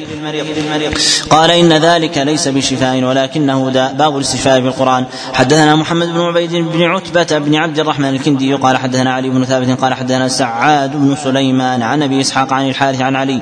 قال قال رسول الله صلى الله عليه وسلم خير الدواء القرآن باب الحناء حدثنا أبو بكر بن شيبة قال حدثنا زيد بن الحباب قال حدثنا فائد مولى عبيد الله بن علي بن أبي رافع قال حدثني مولاي عبيد الله قال حدثتني جدتي سلمى أم رافع مولاة رسول الله صلى الله عليه وسلم قالت كان لا يصيب النبي صلى الله عليه وسلم قرحة ولا شوكة إلا وضع عليه الحناء باب أبوال الإبل. حدثنا ولا يوجد دواء يجمع بين طب الأبدان والأديان كالقرآن فهو الذي يجمع يجمع علاج هذين. وما عدا ذلك فهو دواء للبدن يتعالج به الإنسان لشيء معين. ولهذا الله سبحانه وتعالى ذكر في كتابه العظيم وجاء أيضا في ذلك عن رسول الله صلى الله عليه وسلم أن القرآن شفاء ودواء وطب وغير ذلك من الألفاظ الواردة. الواردة في الخبر وكذلك أيضا في الأثر. نعم. صلى الله باب أبوال الإبل. حدثنا نصر بن علي الجهضمي قال حدثنا عبد الوهاب قال أخبرنا حميد عن أنس بن مالك أن الناس من عرينة قدموا على رسول الله صلى الله عليه وسلم فاجتووا المدينة فقال لو خرجتم إلى ذود لنا فشربتم من ألبانها وأبوالها ففعلوا. باب الذباب يقع في الإناء. حدثنا أبو بكر بن شيبة قال حدثنا يزيد بن هارون عن ابن أبي ذئب عن سعيد بن خالد عن أبي سلمة قال حدثني أبو سعيد عن رسول الله صلى الله عليه وسلم قال في أحد جناحي الذباب سم والآخر شفاء فإذا وقع في الطعام فامقلوه فيه فإنه يقدم السم ويؤخر الشفاء حدثنا سويد بن سعيد قال حدثنا مسلم بن خالد عن عتبة بن مسلم عن عبيد عن عبيد بن حنين عن أبي هريرة عن النبي صلى الله عليه وسلم قال: إذا وقع الذباب في شرابكم فليغمسه فيه ثم ليطرح فإن في أحد جناحيه داء وفي الآخر شفاء. باب العين حدثنا محمد بن عبد الله بن نمير قال حدثنا معاوية بن هشام قال حدثنا عمار بن رزيق عن عبد الله بن عيسى عن أمية بن هند عن عبد الله بن عامر بن ربيعة. عن أبيه عن النبي صلى الله عليه وسلم قال العين حق. حدثنا أبو بكر بن أبي شيبة قال حدثنا إسماعيل بن علية عن الجريري عن مضارب بن حزن عن أبي هريرة قال قال النبي صلى الله عليه وسلم العين حق. حدثنا محمد بن بشار قال حدثنا أبو هشام المخزومي قال حدثنا وهيب عن أبي واقد عن عن أبي سلمة بن عبد الرحمن عن عائشة قالت قال رسول الله صلى الله عليه وسلم استعيذوا بالله فإن العين حق. حدثنا هشام بن عمان قال حدثنا سفيان عن الزهري عن أبي أمامة بن سهل بن حنيف قال مر عامر بن ربيعة بسهل بن حنيف وهو يغتسل فقال المرك اليوم ولا جلد مخبأ عليه الصلاة والسلام استعيذوا بالله فإن العين حق. إشارة إلى أن من أسباب الوقاية من العين الاستعاذة بالله عند وجود داع لها. فإذا ظن الإنسان عينا أو خشي من على نفسه أن يستعيذ بالله فيقول أعوذ بالله من الشيطان الرجيم. وفي هذا ربما يكون إشارة إلى أثر الشيطان في العين. إلى أثر الشيطان في العين وهي قوة تكون قوة نفسية تكون في نفس العائن ربما لا يستطيع الإنسان لها لها دفعا. نعم. صلى الله عليه وسلم. مر عامر بن ربيعة بسهل بن حنيف وهو يغتسل فقال لم أرك اليوم ولا جلد مخباة فما لبث أن فما لبث أن, أن لبط به فأتي به, النبي صلى الله عليه وسلم فقيل له أدرك سهلا صريعا قال من تتهمون به؟ قالوا عامر بن ربيعة. قال على ما يقتل أحدكم أخاه إذا رأى أحدكم من أخيه ما يعجبه فليدعو له بالبركة. ثم دعا بماء فأمر عامرا أن يتوضأ فيغسل وجهه ويديه إلى المرفقين وركبتيه وداخلة إزاره وأمره أن يصب قال سفيان قال معمر عن الزهري وأمر أن يكفئ الإناء من خلفه. ولهذا نقول بالنسبة للعين لها ذكران. ذكر من العائن وذكر من من يصاب بالعين. أما العائن فهو يقول ما شاء الله لا قوة إلا بالله. أو يقول تبارك الله ما شاء الله لا قوة إلا إلا بالله. كما في القرآن وتبارك الله كما في السنة. وأما بالنسبة لمن يظن أنه يصاب بالعين أو يصيب بالعين أن يستعيذ بالله وكذلك أيضا عموم عموم الرقية الواردة في ذلك من كلام الله عز وجل من عموم القرآن وكذلك من يظن فيه ورود المعاني في كلامه سبحانه وتعالى وكذلك أيضا في كلام رسول الله صلى الله عليه وسلم. نعم. صلى الله عليك. باب من استرقى من العين. حدثنا أبو بكر بن أبي شيبة قال حدثنا سفيان بن عيينة عن عمرو بن دينار عن عن عروة بن عامر عن عبيد بن رفاعة الزرقي. قال قالت اسماء يا رسول الله إن بني جعفر تصيبهم العين فاستقي لهم. قال نعم فلو كان شيء سابق القدر سبقته العين. حدثنا أبو بكر بن أبي شيبة قال حدثنا سعيد بن سليمان قال حدثنا عباد عن الجريري عن أبي نضرة عن أبي سعيد قال كان رسول الله صلى الله عليه وسلم يتعوذ وهذا يدل على سرعة العين.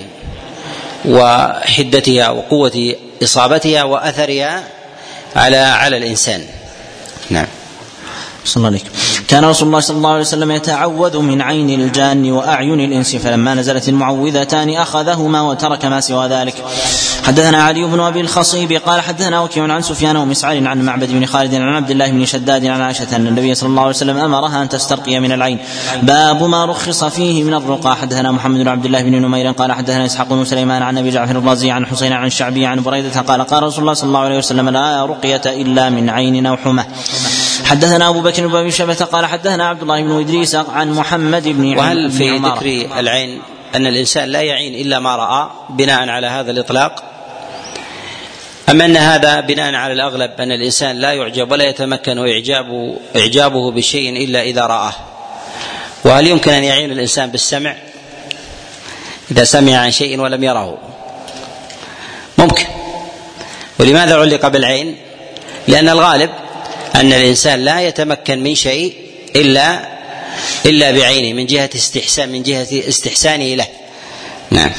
صلى الله عليك حدثنا أبو بكر بن أبي شيبة قال حدثنا عبد الله بن إدريس عن محمد بن عمارة عن أبي بكر بن محمد أن خالدة بنت أنس أم بني حزم الساعد حزم الساعدية جاءت إلى إلى النبي صلى الله عليه وسلم فعرضت عليه الرقى فأمرها بها. حدثنا علي بن أبي الخصيب قال حدثنا يحيى بن عيسى عن الأعمش عن أبي سفيان عن جابر قال كان أهل بيت من الأنصار يقال لهم آل عمرو بن حزم يرقون من الحمى. وكان رسول الله صلى الله عليه وسلم قد نهى عن الرقى فأتوه فقالوا يا رسول الله إنك نهيت عن الرقى وإنا نرقي من الحمى. فقال لهم فقال لهم اعرضوا علي فعرضوها عليه فقال لا بأس بهذه هذه مواثيق. حدثنا عبدة بن عبد الله قال حدثنا معاوية بن هشام قال حدثنا سفيان عن عاصم عن يوسف بن عبد الله بن الحارث عن أنس النبي صلى الله عليه وسلم رخص في الرقية من الحمى والعين والنملة. باب رقية الحية والعقرب. حدثنا عثمان بن أبي شيبة وهناد بن السني قال حدثنا أبو الاحوص عن مغيرة عن إبراهيم عن الأسود قال عن عائشة قالت رخص رسول الله صلى الله عليه وسلم في الرقية من الحية والعقرب. حدثنا إسماعيل بن بهرام قال حدثنا عبيد عبيد الله الأشجعي عن سفيان عن سهيل بن أبي صالح عن أبيه عن أبي هريرة قال لدغت عقرب رجلا فلم ينم ليلته فقيل للنبي صلى الله عليه وسلم إن فلانا لدغته عقرب فلم ينم ليلته. فقال أما إنه؟ لو قال حين أمسى أعوذ بكلمات الله التامات من شر ما خلق ما ضره لدغ عقرب حتى يصبح. حدثنا أبو بكر بن أبي شيبة قال حدثنا عفان قال حدثنا عبد الواحد بن في قوله ما ضره لدغ عقرب يعني قد يلدغ ولكن لا يضره ذلك. قد يصاب الإنسان ولكن لا لا يضره ذلك ويكون أثره عليه ضعيفا أو معدوما. نعم. صلى الله عليك قال حدثنا عبد الواحد بن بن زياد قال حدثنا عثمان بن حكيم قال حدثني أبو بكر بن عمرو بن حزم عن عمرو بن حزم قال عرضت أو عرضت النهشة من الحية على رسول الله صلى الله عليه وسلم فأمر بها. باب ما عوذ به النبي صلى الله عليه وسلم وما عوذ به. حدثنا أبو بكر بن أبي قال حدثنا جرير عن منصور عن أبي الضحى عن مسروق عن عائشة قالت كان رسول الله صلى الله عليه وسلم إذا أتى المريض فدعا له قال أذهب البأس رب الناس واشف أنت الشافي. لا شفاء إلا شفاؤك.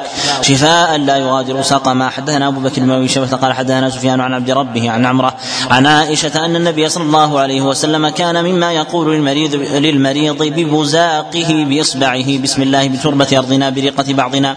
يشفى سقيمنا بإذن ربنا. حدثنا أبو بكر حدثنا أبو بكر قال حدثنا يحيى بن أبي بكير قال حدثنا زهير بن محمد عن يزيد بن خصيفة. عن عمرو بن عبد الله بن كعب عن نافع بن جبير عن عثمان بن أبي العاص الثقفي أنه قال قدمت على النبي صلى الله عليه وسلم وبي وجع قد كاد يبطلني فقال لي النبي صلى الله عليه وسلم اجعل يدك اليمنى عليه وقل بسم الله أعوذ بعزة الله وقدرته من شر ما أجد سبع مرات فقلت ذلك فشفاني الله. حدثنا بشر بن هلال الصواف قال حدثنا عبد الوارث عن عبد العزيز بن صهيب عن أبي نضرة عن أبي سعيد أن جبريل أتى النبي صلى الله عليه وسلم فقال يا محمد اشتكيت. قال نعم. قال بسم الله يرقيك من كل شيء يؤذيك من شر كل نفس أو عين أو حاسد الله يشفيك بسم الله يرقيك. حدثنا محمد بن بشار قال حدثنا محمد بن بشار وحفص وحفص بن عمر. قال حدثنا عبد الرحمن قال حدثنا سفيان عن عاصم بن عبيد الله عن زياد بن ثويب عن أبي هريرة قال جاء النبي صلى الله عليه وسلم يعودني فقال لي ألا ارقيك برقية؟ جاءني بها جبريل. قلت بأبي وأمي بلى. قال بسم الله يرقيك والله يشفيك من كل داء من كل داء فيك. من شر النفاثات في العقد ومن شر حاسد إذا حسد ثلاث مرات.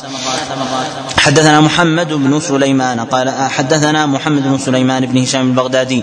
قال حدثنا وكيع حاء وحدثنا أبو بكر بن خلاد الباهلي قال حدثنا أبو عامر قال حدثنا سفيان عن منصور عن منهال عن سعيد بن جبير عن ابن عباس أنه قال, أنه قال كان النبي صلى الله عليه وسلم يعوذ الحسن والحسين يقول أعوذ بكلمات الله التامة من كل شيطان وهامة ومن كل عين لامة. قال وكان أبونا إبراهيم يعوذ بها إسماعيل وإسحاق أو قال إسماعيل ويعقوب. هذا حديث وكيع. وهذا وهذا تعويذ وليس برقية. والرقية لا بد أن يكون المريض بين يدي الإنسان سواء ينفث عليه أو يمسه. أما بالنسبة للتعويذ لا يلزم أن يمس الانسان أن يمس الإنسان المعوذ. فقد يكون أمامه أو بجواره أو بعيدا عنه فيعوذه بهذا فيعوذه بهذا. نعم. صلى الله عليك. باب ما يعوذ به من الحمى. حدثنا محمد بن بشار قال حدثنا أبو عامر قال حدثنا إبراهيم الشري عن داود بن حسين عن عكرمة عن ابن عباس أن النبي صلى الله عليه وسلم كان يعلمه من الحمى ومن الأوجاع كلها أن يقول بسم الله الكبير. أعوذ بالله العظيم من شر عرق نعار ومن شر حر النار. قال أبو عامر أنا أخالف الناس في هذا. أقول يعار كذا يا شيخ؟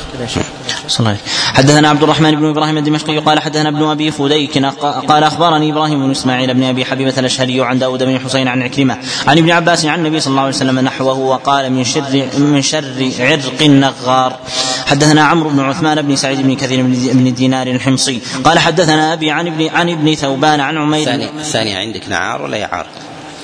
الثانية؟ عن ابن عباس؟ اي نعم. قال من شر عرق نغار. كذا عندي. نغار. نعم. نعم. صلى الله عليه.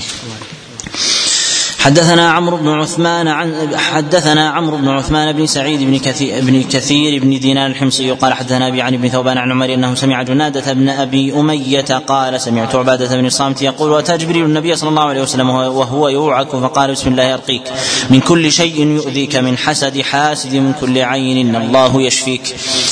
باب النفث في الرقية. حدثنا أبو بكر بن شيبة وعلي بن ميمون الرقي وسهل بن أبي سهل قال وحدثنا وكيع عن مالك بن ياسر عن الزهري عن عروة عن عائشة النبي صلى الله عليه وسلم كان ينفث في الرقية.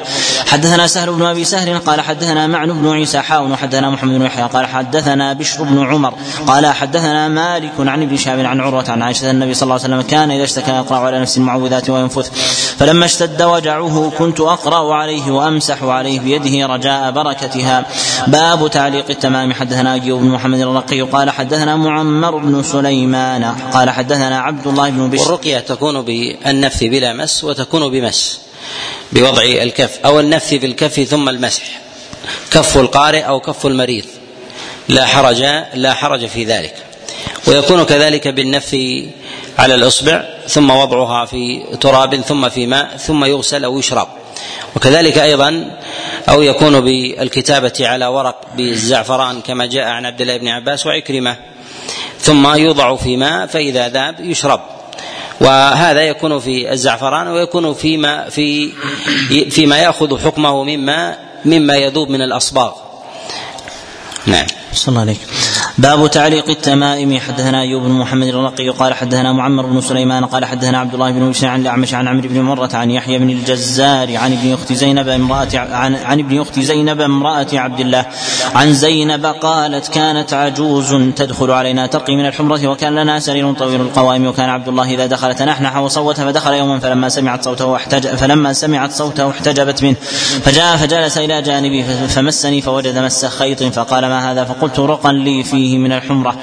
فجذبه فقطعوا فرمى به وقال قد أصبح آل عبد الله أغنياء عن الشرك. سمعت رسول الله صلى الله عليه وسلم يقول إن الرقى والتمائم والتولة شرك. قلت فإني خرجت يوما فأبصرني فلان. فدمعت عيني التي تليه فإذا رقيتها سكنت دمعتها وإذا تركتها دمعت.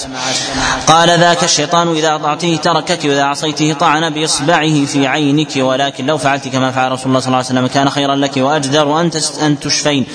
تنضحين في عينك الماء وتقولين أذهب البأس رب الناس اشفي أنت الشافي لا شفاء إلا شفاءك شفاء لا يغادر سقما. حدثنا علي بن أبي الخصيب قال حدثنا وكيع عن مبارك عن الحسن عن عمران بن حسين النبي صلى الله عليه وسلم رأى رجلا في يده حلقة من صفر. فقال ما هذه الحلقة؟ قال هذه من الواهنة. قال انزعها فإنها لا تزيدك إلا وهنا. باب النشرة. حدثنا أبو بكر بن شيبة قال حدثنا عبد الرحيم بن سليمان عن يزيد بن أبي زياد عن يزيد بن أبي زياد عن سليمان بن عمرو بن الأحوص عن أم جندب قالت رأيت رسول الله صلى الله عليه وسلم رمى جمرة العقبة رمى جمرة العقبة من بطن الوادي يوم النحر. ثم انصرف ثم انصرف وتبعته وتبعته امرأة من خثعم ومعها صبي لها به بلاء فقالت يا رسول الله إن هذا ابني وبقية أهلي وإن به بلاء لا يتكلم. فقال رسول الله صلى الله عليه وسلم ائتوني بشيء من ماء فأتي بماء فغسل يديه ومضمض ثم أعطاها فقال اسقيه منه. وصبي عليه منه واستشفي الله له. قالت فلقيت فلقيت المرأة فقلت لو وهبت لي منه فقالت إنما هو لهذا المبتلى. قالت فلقيت المرأة من الحول فسألته عن الغلام فقال برأ وعقل عقلا ليس كعقول الناس. باب قتل ذي الطفيتين. حدثنا أبو بكر بن أبي قال حدثنا عبدة بن سليمان عن شام بن عروة عن أبي عن عائشة قالت أمر النبي صلى الله عليه وسلم بقتل ذي الطفيتين فإنه يلت فإنه يلتمس البصر ويصيب الحبل يعني حية خبيثة. حدثنا أحمد بن عمرو بن السرح قال حدثنا عبد الله بن وهب قال أخبرني يونس عن ابن شهاب عن سالم عن أبي رسول الله صلى الله عليه وسلم قال اقتلوا الحيات واقتلوا ذا الطفيتين والأبتر فإنهما يلتمسان البصر ويستسقطان الحبل. باب من كان يعجبه الفأل ويكره الطيرة حدثنا محمد بن عبد الله بن نمير قال حدثنا عبدة بن سليمان عن محمد بن عمرو عن أبي سلمة عن أبي هريرة قال قال, قال كان النبي صلى الله عليه وسلم يعجبه الفأل الحسن ويكره الطيرة حدثنا أبو بكر بن أبي قال حدثنا يزيد بن هارون قال أخبرنا شعبة عن قتادة عن أنس قال قال النبي صلى الله عليه وسلم لا عدوى ولا طيرة وحب وأحب الفأل الصالح. حدثنا أبو بكر قال حدثنا وكيع عن سفيان عن سلمة عن عيسى بن عاصم عن زر عن عبد الله قال قال رسول الله صلى الله عليه وسلم الطيرة شرك وما منا إلا ولكن الله يذهبه بالتوكل. حدثنا أبو بكر بن شيبه بن أبي شيبة قال حدثنا أبو الاحوص عن سماك عن عكرمة. عن ابن عباس قال قال رسول الله صلى الله عليه وسلم لا طيرة ولا هامة ولا صفر. حدثنا أبو بكر قال حدثنا وكيع عن أبي جناب عن أبيه عن ابن عمر قال قال رسول الله صلى الله عليه وسلم لا عدوى ولا طيرة ولا هامة. فقام اليه فقام إليه رجل فقال يا رسول الله البعير ويكون به الجرب فتجرب به الإبل. قال ذلك القدر فمن أجرب الأول. حدثنا أبو بكر بن شيبة قال حدثنا علي بن مسلم عن محمد بن عمرو عن أبي سلمة عن أبي هريرة قال قال رسول الله صلى الله عليه وسلم لا يورد المم لا يورد الممرض على الم لا يورد الممرض على المصح. باب الجذام حدثنا أبو بكر مجاهد هذا أصل في العدوى في ثبوت العدوى وأما في قول النبي عليه الصلاة والسلام لا عدوى أي لا تنتقل بنفسها وإنما الله عز وجل أوجدها وسببها لانتقال المرض. فهي لا تستقل بذاتها كما يظن الجاهليون وإنما هي أسباب جعلها الله سبحانه وتعالى. نعم. صلى الله عليه باب الجذام. حدثنا أبو بكر ومجاهد بن موسى ومحمد بن خالف العسقلاني يقال حدثنا يونس بن محمد قال حدثنا مفضل بن فضالة عن حبيب عن حبيب بن الشهيد عن محمد بن المنكدر عن جابر بن عبد الله أن رسول الله صلى الله عليه وسلم أخذ بيد رجل مجذوم فادخل معه في القصعه ثم قال كل ثقة بالله وتوكلا على الله. حدثنا عبد الرحمن بن إبراهيم قال حدثنا عبد الله بن نافع عن ابن أبي الزناد حاء وحدثنا علي بن أبي الخصيب قال حدثنا وكيع عن عبد الله بن سعيد بن أبي هند جميعا عن محمد بن عبد الله بن عمرو بن عثمان عن أمه فاطمة بنت الحسين عن ابن عباس النبي صلى الله عليه وسلم قال لا تديم النظر إلى المجذومين. حدثنا عمرو بن رافع قال حدثنا هشيم عن يعلى بن عطاء عن رجل من ال يقال له عمرو. عن أبيه قال كان في وقت ثقيف رجل مجذوم فأرسل إليه النبي صلى الله عليه وسلم فقال ارجع فقد بايعناك باب السحر. حدثنا أبو بكر قال حدثنا عبد الله بن عن عن هشام عن أبيه عن عائشة عن عائشة قالت سحر النبي صلى الله سحر النبي صلى الله عليه وسلم يهودي من يهود بني زريق. يقال له لبيد بن الأعصم حتى كان النبي صلى الله عليه وسلم حتى كان النبي صلى الله عليه وسلم يخيل إليه أنه يفعل الشيء ولا يفعله. قالت حتى إذا كان ذات يوم أو كان ذات ليلة دعا رسول الله صلى الله عليه وسلم ثم دعا ثم دعا ثم قال يا عائشة أشعرت أن الله قد أفتاني فيما استفتيته فيه. فجاءني رجلان فجلس أحدهما عند رأسي والآخر عند رجلي. فقال الذي عند رأسي للذي عند رجلي رجلي أو الذي عند رجلي للذي عند رأسي. ما وجع الرجل قال مطبوب قال من طبه قال لبيد بن عاصم قال في أي شيء؟ قال في مشط ومشاطة ودف طلعة ذكر قال وأين هو قال في بئر ذي أروان. قالت فأتى النبي صلى الله عليه وسلم في أناس من أصحابه ثم جاء فقال والله يا عائشة لكأن ماءها نقاعة الحناء. ولكأن نخلها رؤوس الشياطين. قالت قلت يا رسول الله أفلا أحرقته؟ قال لا. أما, أما أنا فقد عافاني الله. كرهت أن أثير على الناس منه شرا فأمر بها فدفنت. حدثنا يحيى بن عثمان بن سعيد بن كثير بن دينار الحمصي. قال حدثنا بقية قال حدثنا أبو بكر العنسي عن يزيد عن يزيد بن أبي حبيب بن محمد بن يزيد المصريين. قال حدثنا نافع. عن ابن عمر قال قالت أم سلمة يا رسول الله لا يزال يصيبك في كل عام وجع من الشاة المسمومة التي أكلت قال ما أصابني شيء منها إلا وهو مكتوب علي وآدم في طينته. والنبي صلى الله عليه وسلم سحر والسحر عليه الصلاة والسلام لا يؤثر على تشريعه وإنما هو وإنما هو تخيلات. والله جل وعلا كتب على النبي عليه الصلاة والسلام ذلك تخفيفا وتيسيرا للأمة. إذا كان هذا في رسول الله صلى الله عليه وسلم فيكون أيضا ممن ممن دونه. ثم أنزل الله عز وجل لحكمته ببركة رسوله صلى الله عليه وسلم على عليه سورة المعوذتين. وذلك علاجا للسحر له ولأمته من بعده. نعم. باب الفزع والأرق وما يتعوذ منه. حدثنا أبو بكر بن أبي شيبة قال حدثنا عفان قال حدثنا وهيب قال حدثنا محمد بن عجلان عن يعقوب بن عبد الله بن أشج عن سعيد بن المسيب عن سعد بن مالك عن خولة بنت حكيم النبي صلى الله عليه وسلم قال لو أن أحدكم إذا نزل منزلا قال أعوذ بكلمات الله التامة من شر ما خلق لم يضره في ذلك المنزل شيء حتى يرتحل منه. حدثنا محمد بن بشار قال حدثنا محمد بن عبد الله الأنصاري وقال حدثني عيينة بن عبد وهذا في كل منزل حتى منزل الإنسان إذا سافر عنه ثم عاد إليه يقول هذا الكلام. واذا بقي فيه ما دام مقيم ما دام مقيما لا يكرر هذا إلا عند الحاجة إليه ووجود داع آخر ووجود وجود داع آخر. أما إذا كان في بيته وذكر هذا الدعاء ما لم يرتحل منه ولو سنة وسنتين. نعم. الله عليك قال حدثني عيينة بن عبد الرحمن قال حدثني أبي عن عثمان بن أبي العاص قال لما استعملني رسول الله صلى الله عليه وسلم على الطائف جعل يعرض لي شيء في صلاتي حتى ما أدري ما أصلي فلما رأيت ذلك رحلت إلى رسول الله صلى الله عليه وسلم فقال ابن فقال ابن أبي العاص قلت نعم يا رسول الله. قال ما جاء بك؟ قلت يا رسول الله عرض لي شيء في صلاتي حتى ما أدري ما أصلي. قال ذاك الشيطان ادنه فدنوت منه فجلست على صدور قدمي. قال فضرب صدري بيده وتفل في فمي وقال اخرج عدو الله. ففعل ذلك ثلاث مرات ثم قال الحق بعملك.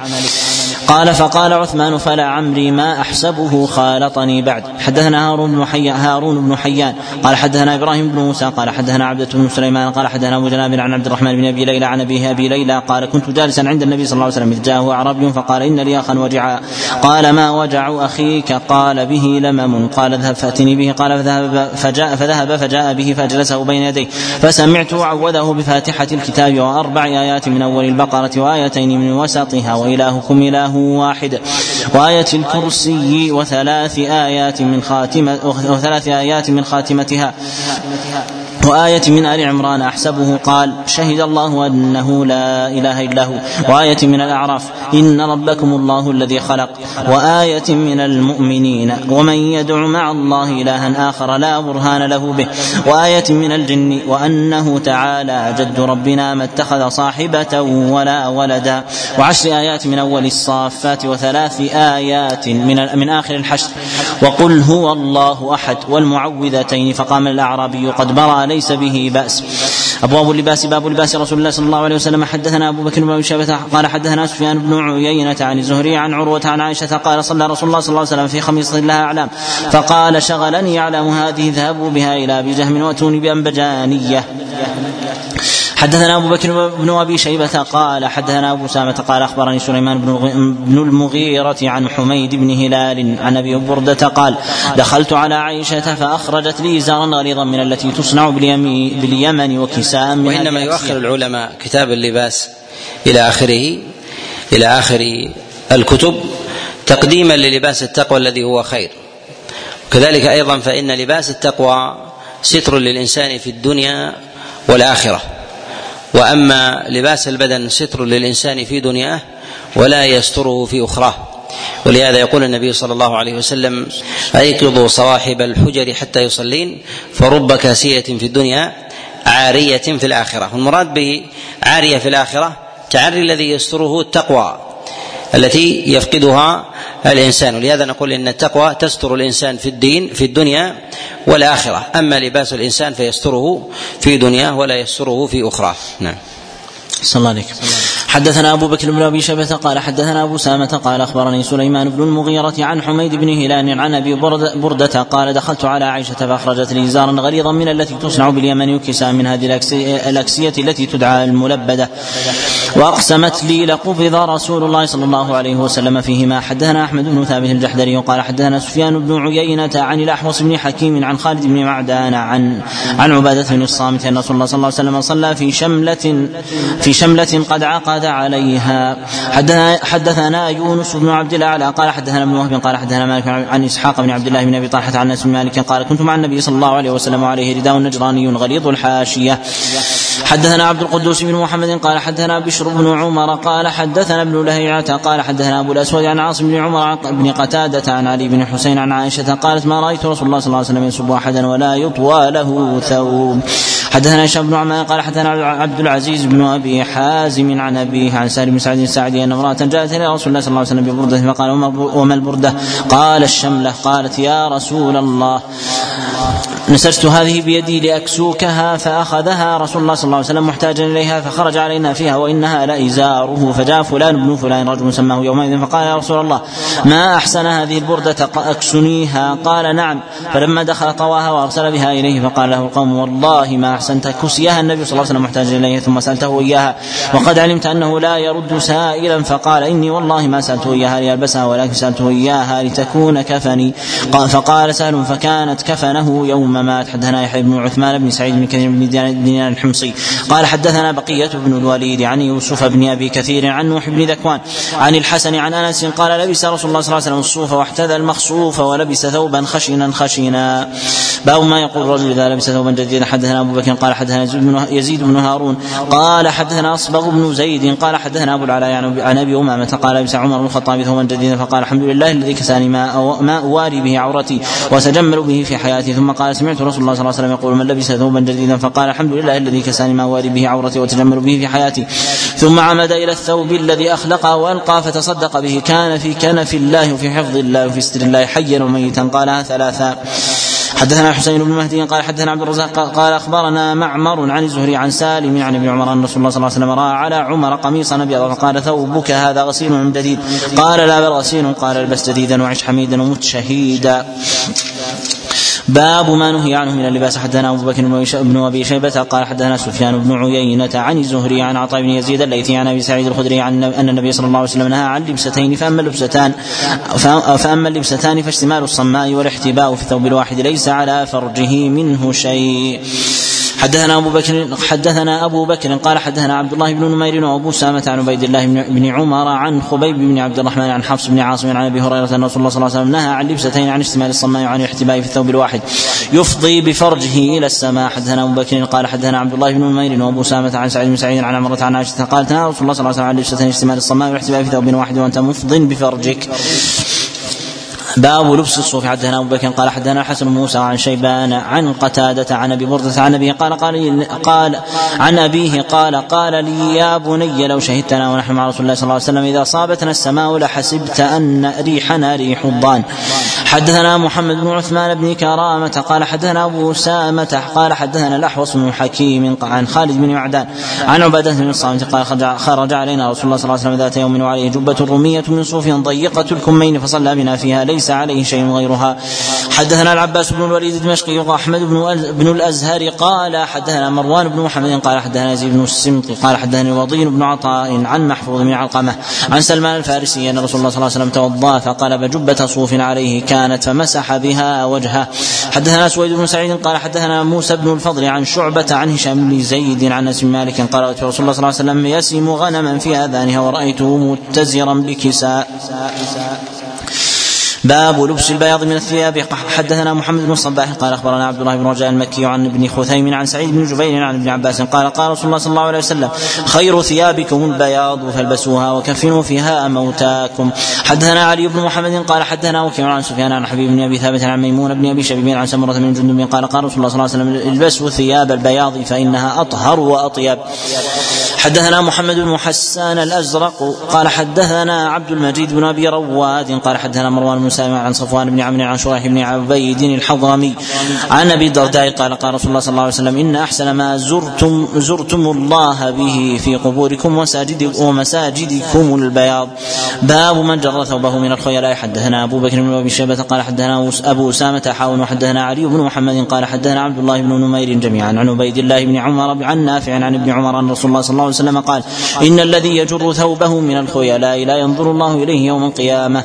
حدثنا أبو بكر بن أبي شيبة قال حدثنا أبو معاوية عن الأعمش عن عطية عن أبي سعيد قال قال رسول الله صلى الله عليه وسلم من جر إزاره من الخيلاء من الخيلاء لم ينظر الله إليه يوم القيامة. قال فلقيت ابن عمر بالبلاط فذكرت له حديث أبي سعيد عن النبي صلى الله عليه وسلم فقال وشار إلى أذنيه سمعته سمعته أذناي ووعاه قلبي. حدثنا أبو بكر بن أبي شيبة قال حدثنا محمد بن بشر عن محمد بن عمرو عن أبي سلمة عن أبي هريرة قال مر بابي هريرة فتى من قريش يجر سبله فقال يا, يا ابن أخي إني سمعت رسول الله صلى الله عليه وسلم يقول من جر ثوبه من الخيلاء لم ينظر الله إليه يوم القيامة. باب موضع باب موضع الإزار. أين هو؟ حدثنا أبو بكر بن أبي شيبة قال حدثنا أبو الأحوص عن أبي إسحاق عن مسلم بن ندير عن حذيفة قال أخذ رسول الله صلى الله عليه وسلم بأسفل عضلة ساقي أو ساقي أو ساق ساقه.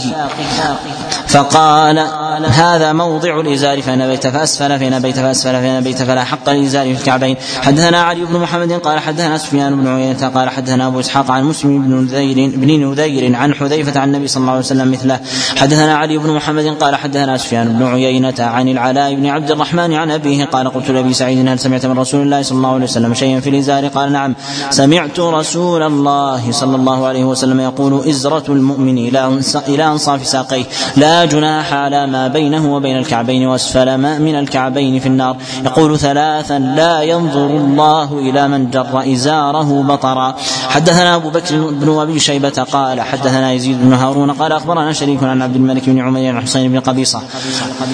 عن المغيرة بن شعبة قال قال رسول الله صلى الله عليه وسلم قال قال رسول الله صلى الله عليه وسلم يا سفيان بن سهل لا تسبل فإن الله لا يحب المسبلين.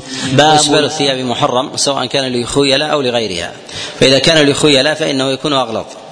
وذلك لاختلاف العلة الواردة في الخبر عن رسول الله صلى الله عليه وسلم.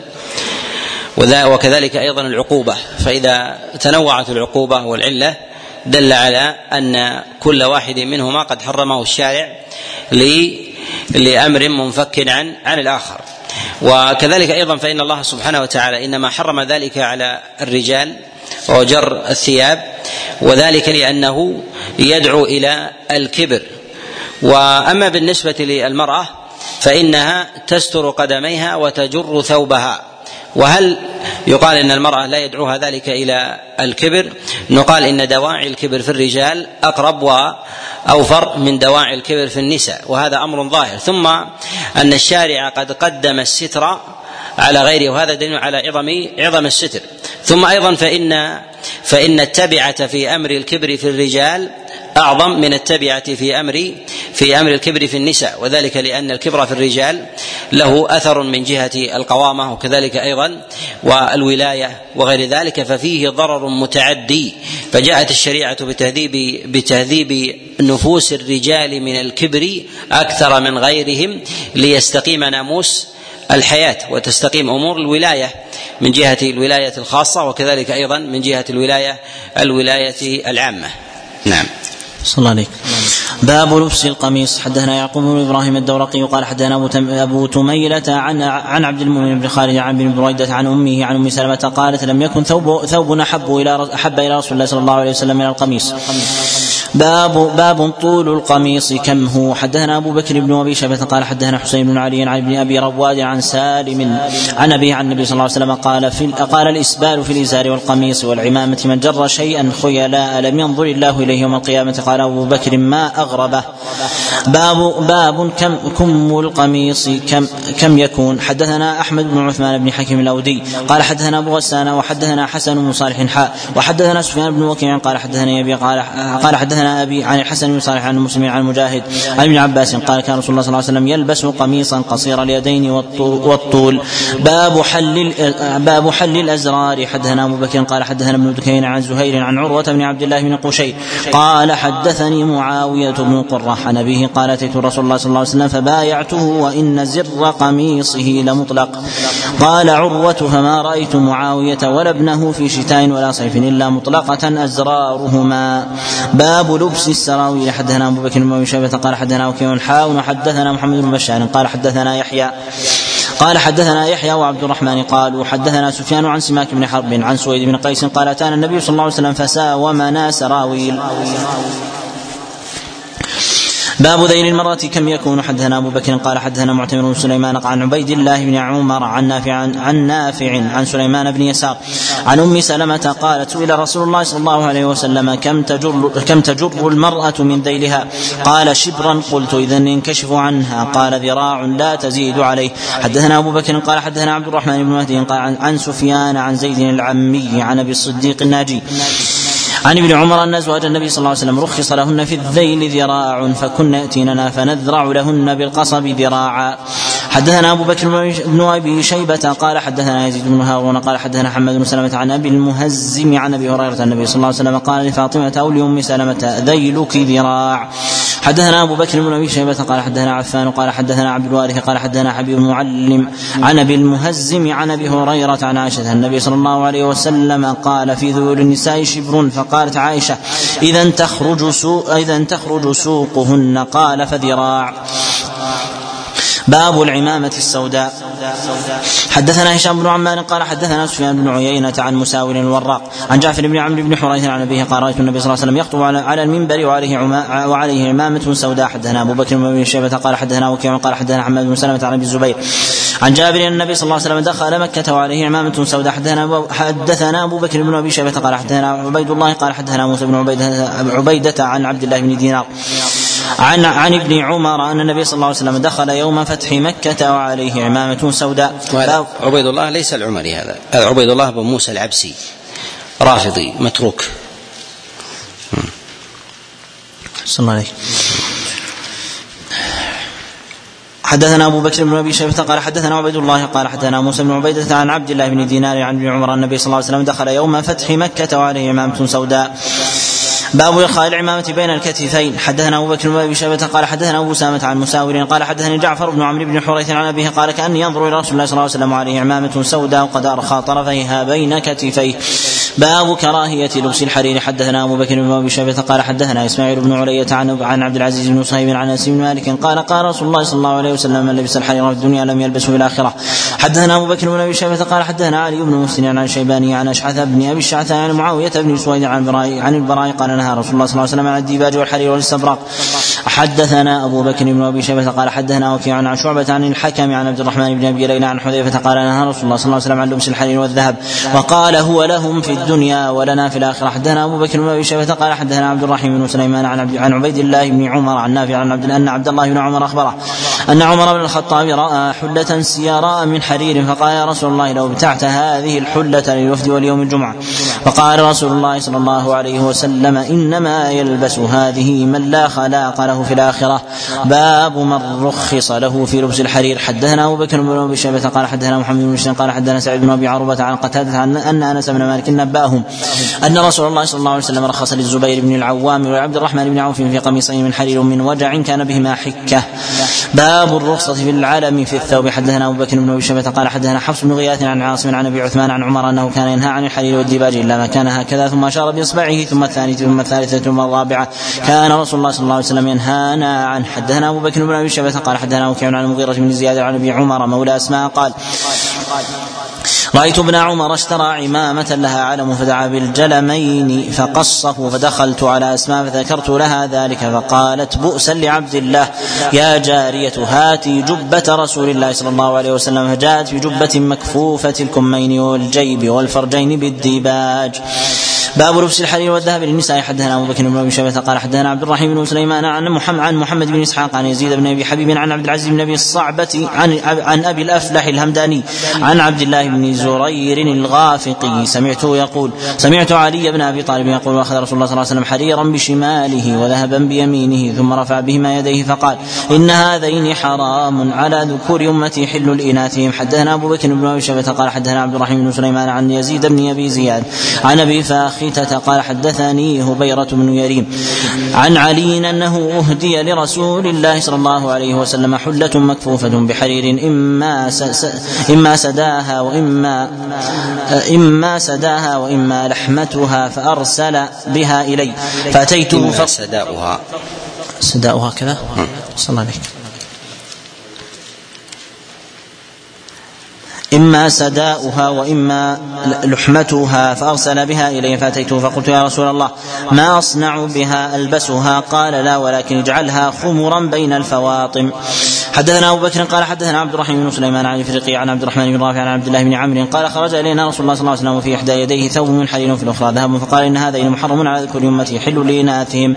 حدثنا أبو بكر قال حدثنا عيسى بن يونس عن معمر عن الزهري عن أنس قال رأيت زينب بنت رسول الله صلى الله عليه وسلم ما في قال رأيت على زينب بنت رسول الله صلى الله عليه وسلم قميص حرير سيرا. باب لبس الأحمر للرجال حدثنا أبو بكر بن أبي شيبة عن شريك عن شريك بن عبد الله القاضي عن أبي إسحاق عن البراء قال ما رأيت أجمل من رسول الله صلى الله عليه وسلم مترجلا في حلة حمراء. حدثنا أبو عامر عبد الله بن عامر بن براد بن يوسف بن أبي بردة بن أبي بن, أبي موسى الأشعري. قال حدثنا زيد بن الحباب قال حدثنا حسين بن واقد قاضي مر. قال حدثني عبد الله بن بريدة أن أباه حدثه قال رأيت رسول الله صلى الله عليه وسلم يخطب فأقبل حسن وحسين عليهما قميصان احمران يعثران ويقومان فنزل النبي صلى الله عليه وسلم فأخذهما فوضعهما في حجره فقال صدق والله صدق الله ورسوله إنما إنما أموالكم وأولادكم فتنة رأيت هذين فلم أصبر ثم أخذ في خطبته. في هذا أنه لا يؤاخذ ولي الصبي الصغير إذا أسبل ثوبه أو أسبل إزاره. نعم. أحسن عليك. باب كراهية المعصفر للرجال. حدثنا أبو بكر بن أبي شيبة قال حدثنا علي بن مسلم عن يزيد بن أبي زياد عن الحسن بن سهيل عن ابن عمر قال نهى رسول الله صلى الله عليه وسلم عن المفدم. قال يزيد قلت للحسن ما المفدم؟ قال المشبع بالعصفر. حدثنا أبو بكر بن أبي شيبة قال حدثنا وكيع عن أسامة بن زيد عن عبد الله بن حنين قال سمعت عليا يقول نهاني رسول الله صلى الله عليه وسلم ولا أقول نهاكم عن لبس المعصفر. حدثنا أبو بكر قال حدثنا عيسى بن يونس عن هشام بن الغازي عن عمرو بن شعيب عن أبي عن جده قال أقبلنا مع رسول الله صلى الله عليه وسلم من ثنية من ثنية ذاخرة فالتفت إلي وعلي وعلي ريطة مضرجة بالعصفر. فقال ما هذه؟ فعرفت ما كره فأتيت أهلي وهم يسجرون تنورهم فقذفتها فيه ثم أتيت من الغد فقال يا عبد الله ما فعلت ما فعلت الريطة؟ فأخبرته فقال ألا كسوتها بعض أهلك فإنه لا بأس بذلك للنساء. باب الصفرة للرجال حدثنا علي بن محمد قال حدثنا وكيع عن ابن أبي ليلى عن محمد بن عبد الرحمن عن محمد بن شرحبيل. عن قيس بن سعد قال اتانا النبي صلى الله عليه وسلم فوضعنا له ماء يتبرد به فاغتسل ثم أتيت بملحفة صفراء فرأيت أثر الورس على عكنه.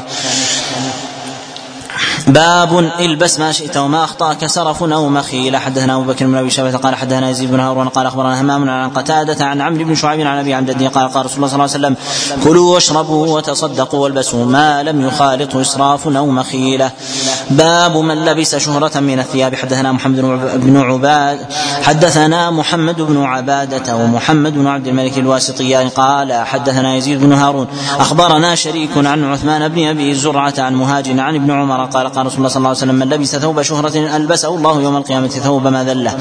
حدثنا محمد بن عبد الملك بن أبي الشوارب قال حدثنا أبو عوانة عن عثمان بن المغيرة عن المهاجر عن عبد الله بن عمر قال قال رسول الله صلى الله عليه وسلم من لبس ثوب شهرة في الدنيا ألبسه الله ثوب مذلة يوم القيامة ثم ألهب فيه نارا. حدثنا العباس بن يزيد البحراني قال حدثنا وكيع بن محرز الناجي قال حدثنا عثمان بن جهم عن زر بن حبيش عن أبي ذر عن النبي صلى الله عليه وسلم قال من لبس ثوب شهرة أعرض الله حتى يضعه متى وضعه. باب لبس جلود الميتة. إذا دبغت حدثنا أبو بكر قال حدثنا سفيان بن عيينة عن زيد بن أسلم عن عبد الرحمن بن وعلة عن ابن عباس قال سمعت رسول الله صلى الله عليه وسلم يقول أيما إهاب دبغ فقد طهر. حدثنا أبو بكر بن أبي شيبة قال حدثنا سفيان بن عيينة عن الزهري عن عبيد الله بن عبد الله عن ابن عباس عن ميمونة أن شاة لمولاة ميمونة مر بها. يعني النبي صلى الله عليه وسلم قد أعطيته من الصدقة ميتة فقال هل أخذوا إهابا فدبغوه فانتفعوا به. فقالوا يا رسول الله إنها ميتة قال إنما حرم أكلها. حدثنا أبو بكر بن أبي شبه قال حدثنا عبد الرحيم بن سليمان عن ليث عن شهر بن حوشب عن سلمان قال كان لبعض أمهات المؤمنين شاة فمات فمر رسول الله صلى فمر رسول الله صلى الله عليه وسلم عليها فقال ما ضر أهل هذه لو انتفعوا بها بها. حدثنا أبو بكر بن أبي شيبة قال حدثنا خالد بن مخلد عن مالك بن ياسين عن يزيد بن قسيط عن محمد بن عبد الرحمن عن أمه عن عائشة قالت أمر رسول الله صلى الله عليه وسلم يستمتع بجلود الميتة إذا دبغت. إذا كانت الميتة مأكولة اللحم فإنها تطهر بالدباغ. وقد ذكر البغوي رحمه الله في كتابه شرح السنة أن الصحابة عليهم رضوان الله تعالى لا يختلفون في هذا. يعني مأكول اللحم إذا مات فإن ودبغ أن دباغه يطهر به. نعم. أحسن الله عليك. باب من كان لا ينتفع من الميتة بهاب ولا عصب. حدثنا أبو بكر قال حدثنا جرير عن منصور حا وحدثنا أبو بكر بن أبي شبة قال حدثنا علي بن مسلم عن شيباني حا وحدثنا أبو بكر قال حدثنا غدر عن عن شعبة كلهم عن الحكم عن عبد الرحمن بن أبي ليلى عن عن عبد الله بن عكيم. قال أتانا كتاب النبي صلى الله عليه وسلم لا تنتفع من الميتة بهاب ولا عصب. باب صفة النعال. حدثنا علي بن محمد قال حدثنا وكيع قال قال حدثنا وكيع عن سفيان عن خالد الحذاء عن عبد الله بن الحارث عن عبد الله بن بن العباس قال كان لنعل النبي صلى الله عليه وسلم قبالان مثني مثني شراكهما. حدثنا أبو بكر بن أبي شيبة قال حدثنا يزيد بن هارون عن همام عن قتادة عن أنس قال كان لنعل النبي صلى الله عليه وسلم قبالان. كان لنعل النبي صلى الله عليه وسلم قبالان. باب لبس النعال وخلعها. حدثنا أبو بكر قال حدثنا وكيع عن شعبة عن محمد بن زياد عن أبي هريرة قال قال رسول الله صلى الله عليه وسلم إذا انتعل أحدكم فليبدأ باليمنى وإذا خلع فليبدأ باليسرى. باب المشي بالنعل الواحدة الواحد. حدثنا أبو بكر قال حدثنا عبد الله بن إدريس عن ابن عجلان عن ابي عن سعيد بن أبي سعيد عن أبي هريرة قال قال رسول الله صلى الله عليه وسلم لا يمشي أحدكم في نعل واحد ولا خف واحد ليخلعهما جميعا أو ليمشي فيهما جميعا. باب الانتعال قائما. الكراهه في ذلك. ليست على التحريم وإنما من باب الأدب والتنزيه. نعم.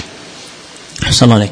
باب الانتعال. قال ما حدثنا علي بن محمد؟ قال حدثنا معاويه عن الأعمش عن أبي صالح عن أبي هريرة قال نهى رسول الله صلى الله عليه وسلم ينتعل الرجل قائما. حدثنا علي بن محمد؟ قال حدثنا وكيع عن سفيان عن عبد الله بن دينار عن عبد عن عبد الله بن دينار عن ابن عمر قال لها النبي صلى الله عليه وسلم ينتعل الرجل قائما. باب الخفاف السود.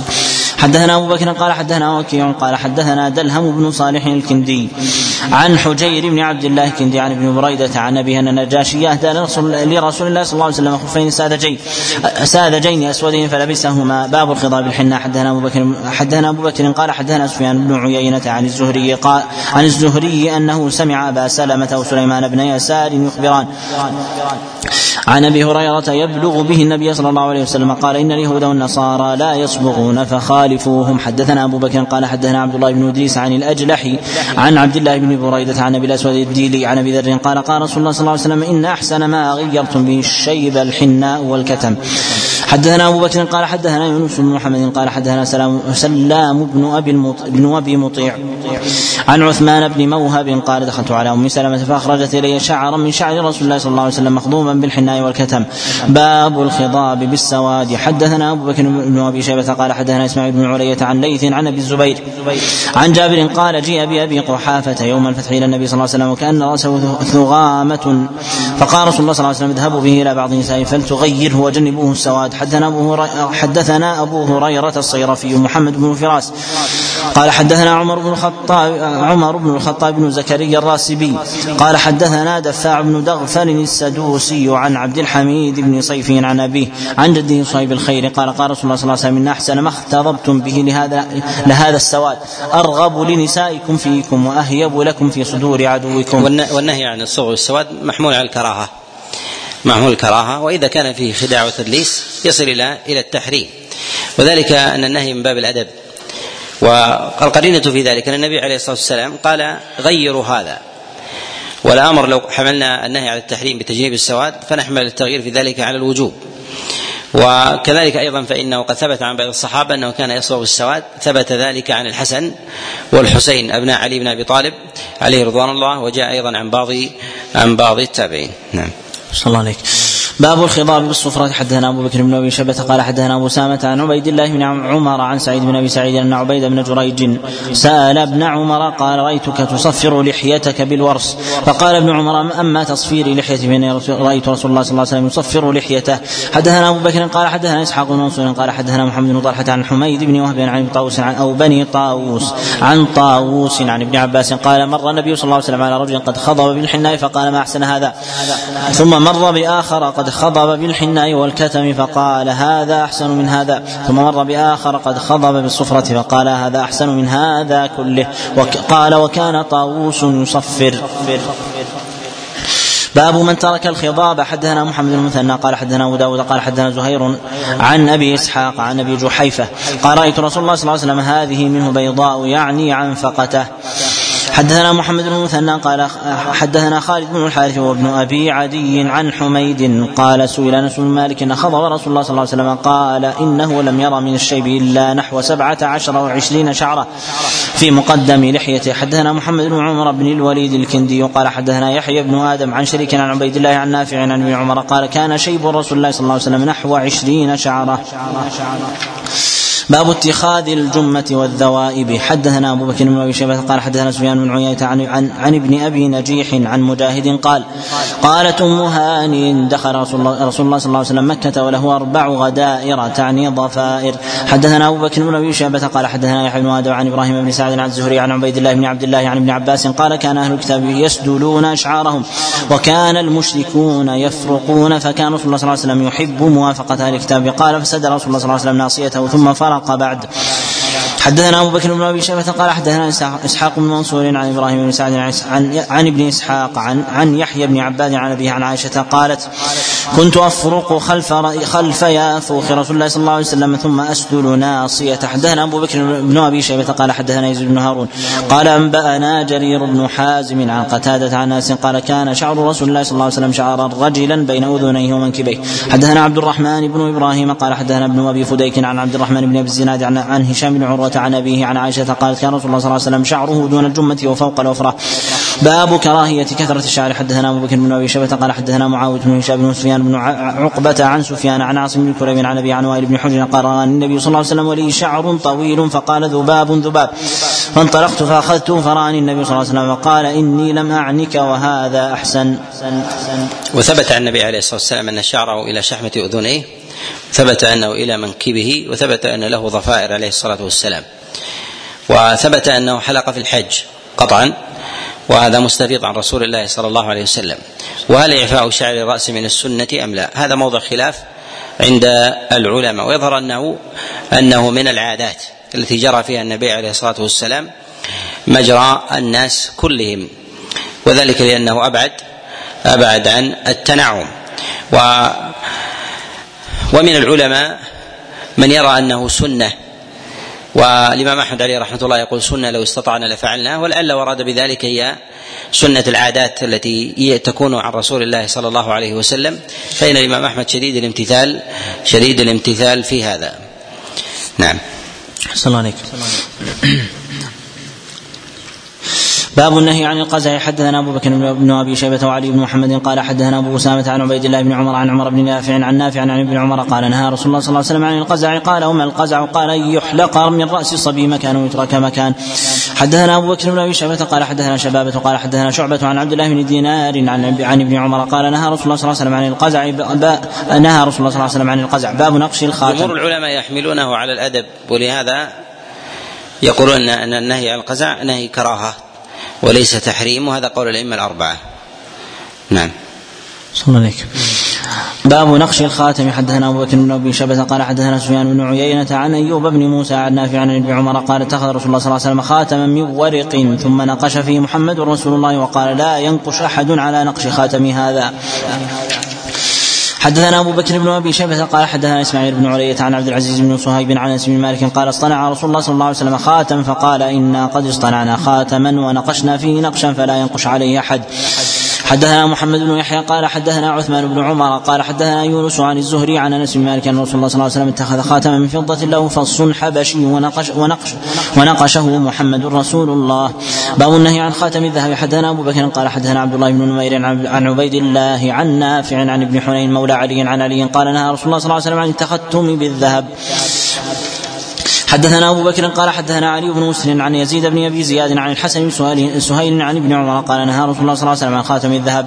حدثنا أبو بكر بن أبي شيبة قال حدثنا عبد الله بن نمير عن محمد بن إسحاق عن يحيى بن عباد عبد عن يحيى بن عباد بن عبد الله بن الزبير عن ابي عن عائشة أم المؤمنين قالت أهدى النجاشي إلى رسول الله صلى الله عليه وسلم حلقة فيها خاتم ذهب فيها فص حبشي فأخذه رسول الله صلى الله عليه وسلم بعود وإنه لمعرض عنه وببعض أصابعه ثم دعا ابنة ابنته أمامة بنت أبي العاص فقال تعلي بهذا يا بنيه باب من جعل فص خاتم مما يلي كفه وحدثنا أبو بكر بن أبي شيبة قال حدثنا سفيان بن عيينة عن أيوب بن موسى عن نافع عن ابن عمر النبي أن النبي صلى الله عليه وسلم كان يجعل فصه مما يلي كفه حدثنا محمد بن يحيى قال حدثنا إسماعيل بن أبي أويس قال حدثني سليمان بن بلال عن يونس عن يونس بن يزيد الأيلي عن ابن شهاب عن أنس بن مالك أن رسول الله صلى الله عليه وسلم لبس خاتم فضة فيه فص حبشي كان يجعل فصه في بطن كفه.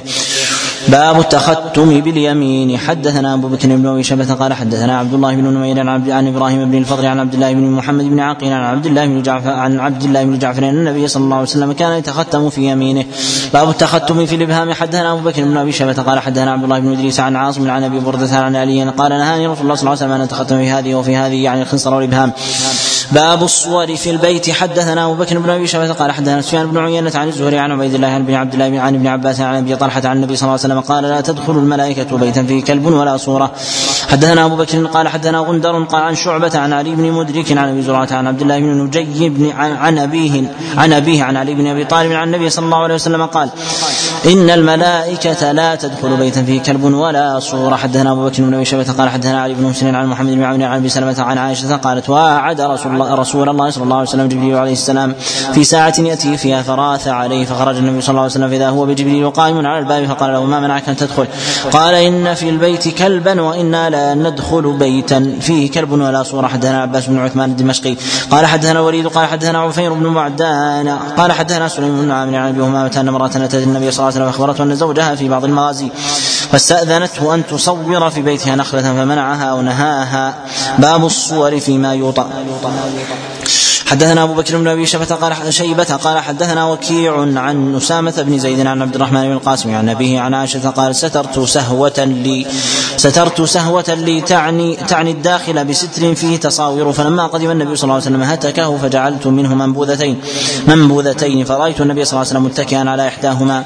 ولهذا الصور التي توطى والمهانه هذه لا لا تضر ولا تمنع دخول الملائكة. كذلك أيضا لا يثم عليها الإنسان. والتي تكون على الفرش التي توطى وعلى المداخل أو على الأحذية أو تكون في الحمامات أو تكون على العلب التي ترمى أو على الأكياس أو أو ملابس الأطفال. لكن نقول ملابس الأطفال على ضربين. ملابس تلبس ويظهر فيها التكريم وذلك التي توضع على الصدر. أما ما كان أسفل من ذلك من السراويل أو ما يكون في الخلف فهذا فهذا لا لا يكون مكرما فيكون مهانا ولا ولا يضر بإذن الله. نعم. صلى الله عليك. باب المياثر الحمر. حدثنا أبو بكر قال حدثنا أبو الاحوص عن أبي إسحاق عن هبيرة عن علي قال نهى رسول الله صلى الله عليه وسلم عن خاتم الذهب وعن الميثرة يعني الحمراء. باب ركوب النمور. حدثنا أبو بكر بن أبي شيبة قال حدثنا زيد بن الحباب قال حدثنا يحيى بن أيوب قال حدثني عياش بن عباس الحميري وعن أبي حسين الحجري الحجري الهيثم عن عامر الحجري. قال سمعت أبا ريحانة صاحب النبي صلى الله عليه وسلم عن عامر الحجري. قال سمعت أبا ريحانة صاحب النبي صلى الله عليه وسلم يقول كان النبي صلى الله عليه وسلم ينهى عن ركوب النمور. حدثنا أبو بكر بن أبي شيبة قال حدثنا وكيع عن أبي المعتمر عن ابن سيرين عن معاوية قال كان رسول الله صلى الله عليه وسلم ينهى عن ركوب النمور. أبواب الادب باب بر الوالدين. حدثنا أبو بكر بن ابي شيبه قال حدثنا شريك بن عبد الله عن منصور عن عبيد الله بن علي. عن أبي سلامة السلامي عن أبي سلامة السلامي قال قال النبي صلى الله عليه وسلم أوصي امرا بأمه أوصي امرا بأمه أوصي امرا بأمه ثلاثا أوصي امرا بأبيه أوصي امرا بمولاه الذي يليه. وإن كان عليه منه أذى يؤذيه. حدثنا وإنما يؤخر العلماء أبواب الآداب منها البر والإحسان وغير ذلك باعتبار أن الفطر تدل عليها من سائر الملل. فداعي الانحراف فيها يسير. داعي الانحراف في هذا يسير. ولهذا تجد الفطرة تدل على بر الوالدين ولو كان مثلا عند الملاحدة أو عباد الشجر وأيضا البقر والنجوم والكواكب وغير ذلك كلهم يؤمنون بمثل هذا باعتبار أن الفطرة تدل عليه كذلك الصدق والأمانة وغيرها. ولهذا العلماء يخففون في أحكام في تصدير أمثال هذه الأحكام. نعم. صلى الله عليك حدثنا أبو بكر بن أبي شيبة قال حدثنا شريك بن عبد الله عن عن منصور عن عبيد الله بن علي عن أبي سلمة السلامي قال قال النبي صلى الله عليه وسلم حدثنا محمد بن ميمون المكي قال حدثنا سفيان بن عيينة عن عمارة بن القعقاع عن أبي زرعة عن أبي هريرة قال قالوا يا رسول الله من أبر قال أمك قال ثم من قال ثم من قال أمك قال ثم من قال أبوك قال ثم من قال ثم الأدنى فالأدنى حدثنا أبو بكر بن أبي شيبة قال حدثنا جرير عن عن سهيل عن ابي عن أبي هريرة قال قال رسول الله صلى الله عليه وسلم لا يجزي والد والده إلا أن يجده مملوكا فيشتريه فيعتقه. حدثنا أبو بكر بن أبي شيبة قال حدثنا عبد الصمد بن عبد الوارث عن حماد بن سلمة عن عاصم عن أبي صالح عن أبي هريرة عن النبي صلى الله عليه وسلم قال القنطار اثنا عشر ألف أوقية. كل أوقية خير مما بين السماء والأرض. وقال رسول الله صلى الله عليه وسلم إن الرجل لا ترفع درجته في الجنة فيقول أن هذا فيقال باستغفار والدك لك. حدثنا هشام بن عمار قال حدثنا إسماعيل بن عياش عن بحير بن سعد عن خالد بن عبدان عن المقدام بن معدي كرب أن رسول الله صلى الله عليه وسلم قال إن الله يوصيكم بأمهاتكم ثلاثا إن الله يوصيكم بآبائكم إن الله يوصيكم بالأقرب فالاقرب حدثنا هشام بن عمار قال حدثنا صدقة بن خالد قال حدثنا عثمان بن أبي العاتكة عن علي بن يزيد عن القاسم عن أبي أمامة أن رجلا قال يا رسول الله ما حق الوالدين على ولدهما؟ قال هما جنتك ونارك. حدثنا محمد بن الصباح قال حدثنا سفيان بن عيينة عن عطاء بن السائب عن أبي عبد الرحمن عن أبي الدرداء سمع النبي صلى الله عليه وسلم يقول الوالد أوسط أبواب الجنة فاضع ذلك الباب أو احفظه. باب باب صل من كان أبوك يصل. حدثنا علي بن محمد قال حدثنا عبد الله بن ادريس عن عبد الرحمن بن سليمان عن أسيد بن علي بن علي بن عبيد مولى بني ساعدة عن أبيه. عن أبي أسيد مالك بن ربيعة قال بينما نحن عند النبي صلى الله عليه وسلم وجاءه رجل من بني سلمة فقال يا رسول الله أبقي من بر أبوي شيء أبرهما به من بعد موتهما؟ قال نعم الصلاة عليهما والاستغفار لهما ووفاء بعهودهما من بعد موتهما وإكرام صديقهما وصلة الرحم التي لا توصل إلا بهما. باب بر الوالد والإحسان إلى البنات. حدثنا أبو بكر بن أبي شيبة قال حدثنا اسامه عن هشام بن عروة عن ابي عن عائشة قالت قدم ناس من الأعراب على النبي صلى الله عليه وسلم فقالوا تقبلون صبيانكم قالوا نعم. فقالوا لكن والله ما نقبل. فقال النبي صلى الله عليه وسلم وأملك أن كان الله قد نزع منكم الرحمة. حدثنا أبو بكر بن أبي شيبة قال حدثنا عفان قال حدثنا وهيب قال حدثنا عبد الله بن عثمان بن خثيب. عن سعيد بن أبي راشد عن على العامري أنه قال جاء الحسن والحسين يسعيان إلى النبي صلى الله عليه وسلم فضمهما إليه وقال إن الولد مبخلة مجبنة. حدثنا أبو بكر بن أبي شيبة قال حدثنا زيد بن الحباب عن موسى بن علي قال سمعت أبي يذكر عن سراقة بن مالك عن النبي صلى الله عليه وسلم قال ألا أدلكم على أفضل الصدقة ابنتك مردودة إليك ليس لها كاسب غيرك. حدثنا أبو بكر بن أبي شيبة قال حدثنا محمد بن بشير عن مسعد بن قال أخبرني سعد بن إبراهيم عن الحسن عن صعصعة عم الاحنف قال دخلت على عائشة امرأة مع ابنتان لها فأعطتها ثلاث تمرات فأعطت كل واحد واحدة منهما تمرة ثم صدعت الباقية بينهما. قالت فأتى النبي صلى الله عليه وسلم فحدثته فقال ما أعجبك لقد دخلت به الجنة؟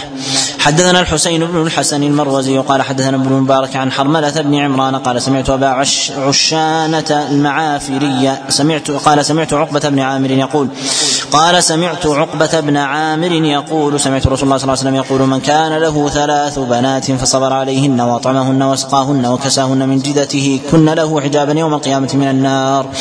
حدثنا الحسن حدثنا الحسين بن الحسن قال حدثنا ابن المبارك عن فطر عن أبي سعد عن عن ابن عباس قال قال رسول الله صلى الله عليه وسلم ما من رجل تدرك له ابنتان فيحسن إليهما صحب إليهما ما صحبتاه أو صحبهما إلا أدخلتاه الجنة. حدثنا العباس بن الوليد الدمشقي. والعلة في البنات من وجهين وذلك لضعفهن عن الأبناء. الأمر الثاني أن حاجة البنت إلى أبيها تتصل معها وإن كبرت بخلاف بخلاف الابن فإنه يستقل بنفسه كفاية له من جهة التقوت وكذلك أيضا العمل والضرب في الأرض بخلاف البنت ولهذا جاءت الشريعة بالتأكيد على عليها تربية وعناية وصيانه نعم. صلى الله عليك. حدثنا العباس بن الوليد الدمشقي قال حدثنا علي بن عياش قال حدثنا سعيد بن عمارة قال أخبرني الحارث بن النعمان قال سمعت أنس بن مالك يحدث عن رسول الله صلى الله عليه وسلم قال اكرموا أولادكم وأحسنوا أدبهم. باب حق الجوار. حدثنا أبو بكر بن أبي شبه قال حدثنا سفيان بن عيينة عن عمرو بن دينار قال سمع أنه سمع نافع بن جبير يخبر عن أبي شريح الخزاعي. أن النبي صلى الله عليه وسلم قال من كان يؤمن بالله واليوم الآخر فليحسن إلى جاره ومن كان يؤمن بالله واليوم الآخر فليكرم ضيفه ومن كان يؤمن بالله واليوم الآخر فليقل خيرا أو ليسكت. حدثنا أبو بكر بن أبي شبه قال حدثنا يزيد بن هارون وعبده بن سليمان حا وحدثنا محمد بن محن قال أخبرنا الليث بن سعد جميعا يحيى بن سعيد عن أبي بكر بن محمد بن عبد بن حزم عن عمرة عن عائشة أن رسول الله صلى الله عليه وسلم قال ما زال جبريل يوصيني بالجار حتى ظننت أنه إنه سيورثه أو أنه سيورثه. حدثنا علي بن محمد قال حدثنا وكيع قال حدثنا يونس بن أبي إسحاق عن مجاهد عن أبي هريرة قال قال رسول الله صلى الله عليه وسلم ما زال جبريل يوصيني بالجار حتى ظننت أنه سيورثه. باب حق الضيف. حدثنا أبو بكر بن أبي شيبة قال حدثنا سفيان بن عيينة عن عن ابن عجلان عن سعيد بن أبي سعيد عن شريح شريح الخزاعي. عن النبي صلى الله عليه وسلم قال من كان يؤمن بالله واليوم الآخر فليكن ضيفا وجائزته يوم وليلة ولا يحل له أن يثوي عند صاحبه حتى يحرجه. الضيافة ثلاثة أيام وما أنفق عليه بعد ثلاثة أيام فهو صدقة. حدثنا محمد بن رمح أخبرنا الليث قال أخبرنا الليث سعد عن يزيد بن أبي حبيب عن أبي الخير عن عقبة بن عامر أنه إنه أنه قال قلنا لرسول الله صلى الله عليه وسلم إنك تبعثنا فننزل بقوم فلا يقرون. فما ترى في ذلك؟ قال لنا رسول الله صلى الله عليه وسلم إن نزلتم بقوم فأمروا لكم بما ينبغي للضيف فاقبلوا وإن لم يفعلوا فخذوا منهم حق الضيف الذي ينبغي لهم. حدثنا علي بن محمد قال حدثنا وكيع قال حدثنا سفيان عن منصور عن الشعبي عن المقدام أبي كريمة قال قال رسول الله صلى الله عليه وسلم ليلة الضيف واجبة فإن أصبح بفنائه فهو دين عليه فإن شاء اقتضى وإن شاء ترك. باب حق اليتيم. حدثنا أبو بكر بن أبي شيبة قال حدثنا يحيى بن سعيد القطان عن ابن عجلان عن سعيد بن أبي سعيد عن أبي هريرة قال قال رسول الله صلى الله عليه وسلم اللهم إني أحرج حق الضعيفين اليتيم والمرأة. حدثنا علي بن محمد قال حدثنا يحيى بن آدم قال حدثنا ابن المبارك عن سعيد بن أبي أيوب عن يحيى بن أبي سليمان عن زيد بن أبي عتاب عن أبي هريرة عن النبي صلى الله عليه وسلم قال خير بيت في المسلمين بيت فيه يتيم يحسن إليه وشر بيت في المسلمين بيت فيه يتيم يساء إليه. حدثنا هشام بن عمان قال حدثنا حماد بن عبد الرحمن الكلبي قال حدثنا إسماعيل بن إبراهيم الأنصاري وعن عطاء بن أبي رواح عن عبد الله بن عباس قال قال رسول الله صلى الله عليه وسلم من عانى ثلاثة من الأيتام كان كمن قام ليله وصام نهاره وغدا وراح شاهرا سيفه في سبيل الله. وكنت أنا وهو في الجنة أخوين كهاتين أختان. وألصق إصبعيه السبابة والوسطى. باب إماطة الأذى عن الطريق. حدثنا أبو بكر بن أبي شيبة وعلي بن محمد قال حدثنا وكيع عن أبان بن صمعة. عن أبي الوازع الراسبي عن أبي عن أبي برزة الأسلمي قال قلت يا رسول الله دلني على عمل أنتفع به. قال اعزل الاذى عن طريق المسلمين. حدثنا أبو بكر بن أبي شيبة قال حدثنا عبد الله عبد الله بن نمير عن الأعمش عن أبي صالح عن أبي هريرة عن النبي صلى الله عليه وسلم قال كان على الطريق غصن غصن شجرة يؤذي الناس فما رجل فأدخل الجنة. حدثنا أبو بكر بن أبي شيبة قال حدثنا يزيد بن هارون قال أخبرنا هشام بن حسان عن واصل مولى أبي عيينة عن يحيى بن عقيل عن يحيى بن يعمر عن أبي ذر عن النبي صلى الله الله عليه وسلم قال عرضت علي أمتي بأعمالها حسنه وسيئه. فرأيت في محاسن أعمالها لذا ينحى في عن الطريق ورأيت في سيء أعمالها النخاعة في المسجد لا تدفن. باب فضل صدقة الماء. حدثنا علي بن محمد قال حدثنا وكيع عن شام عن هشام صاحب الدستوائي عن قتادة عن سعيد بن المسيب عن سعد بن عبادة قال قلت يا رسول الله أي الصدقة أفضل؟ قال سقي الماء. في قول النبي عليه الصلاة والسلام كان على طريق غصن شجرة يؤذي الناس فأماطها رجل فأدخل الجنة. هذا في غصن شجرة فكيف بإماطة الأذى من الأفكار والعقائد؟ التي تعتري طريق الإيمان وطريق الحق. فأزالها الإنسان لا شك أن أثرها وعاقبتها عند الله سبحانه وتعالى أعظم. نعم.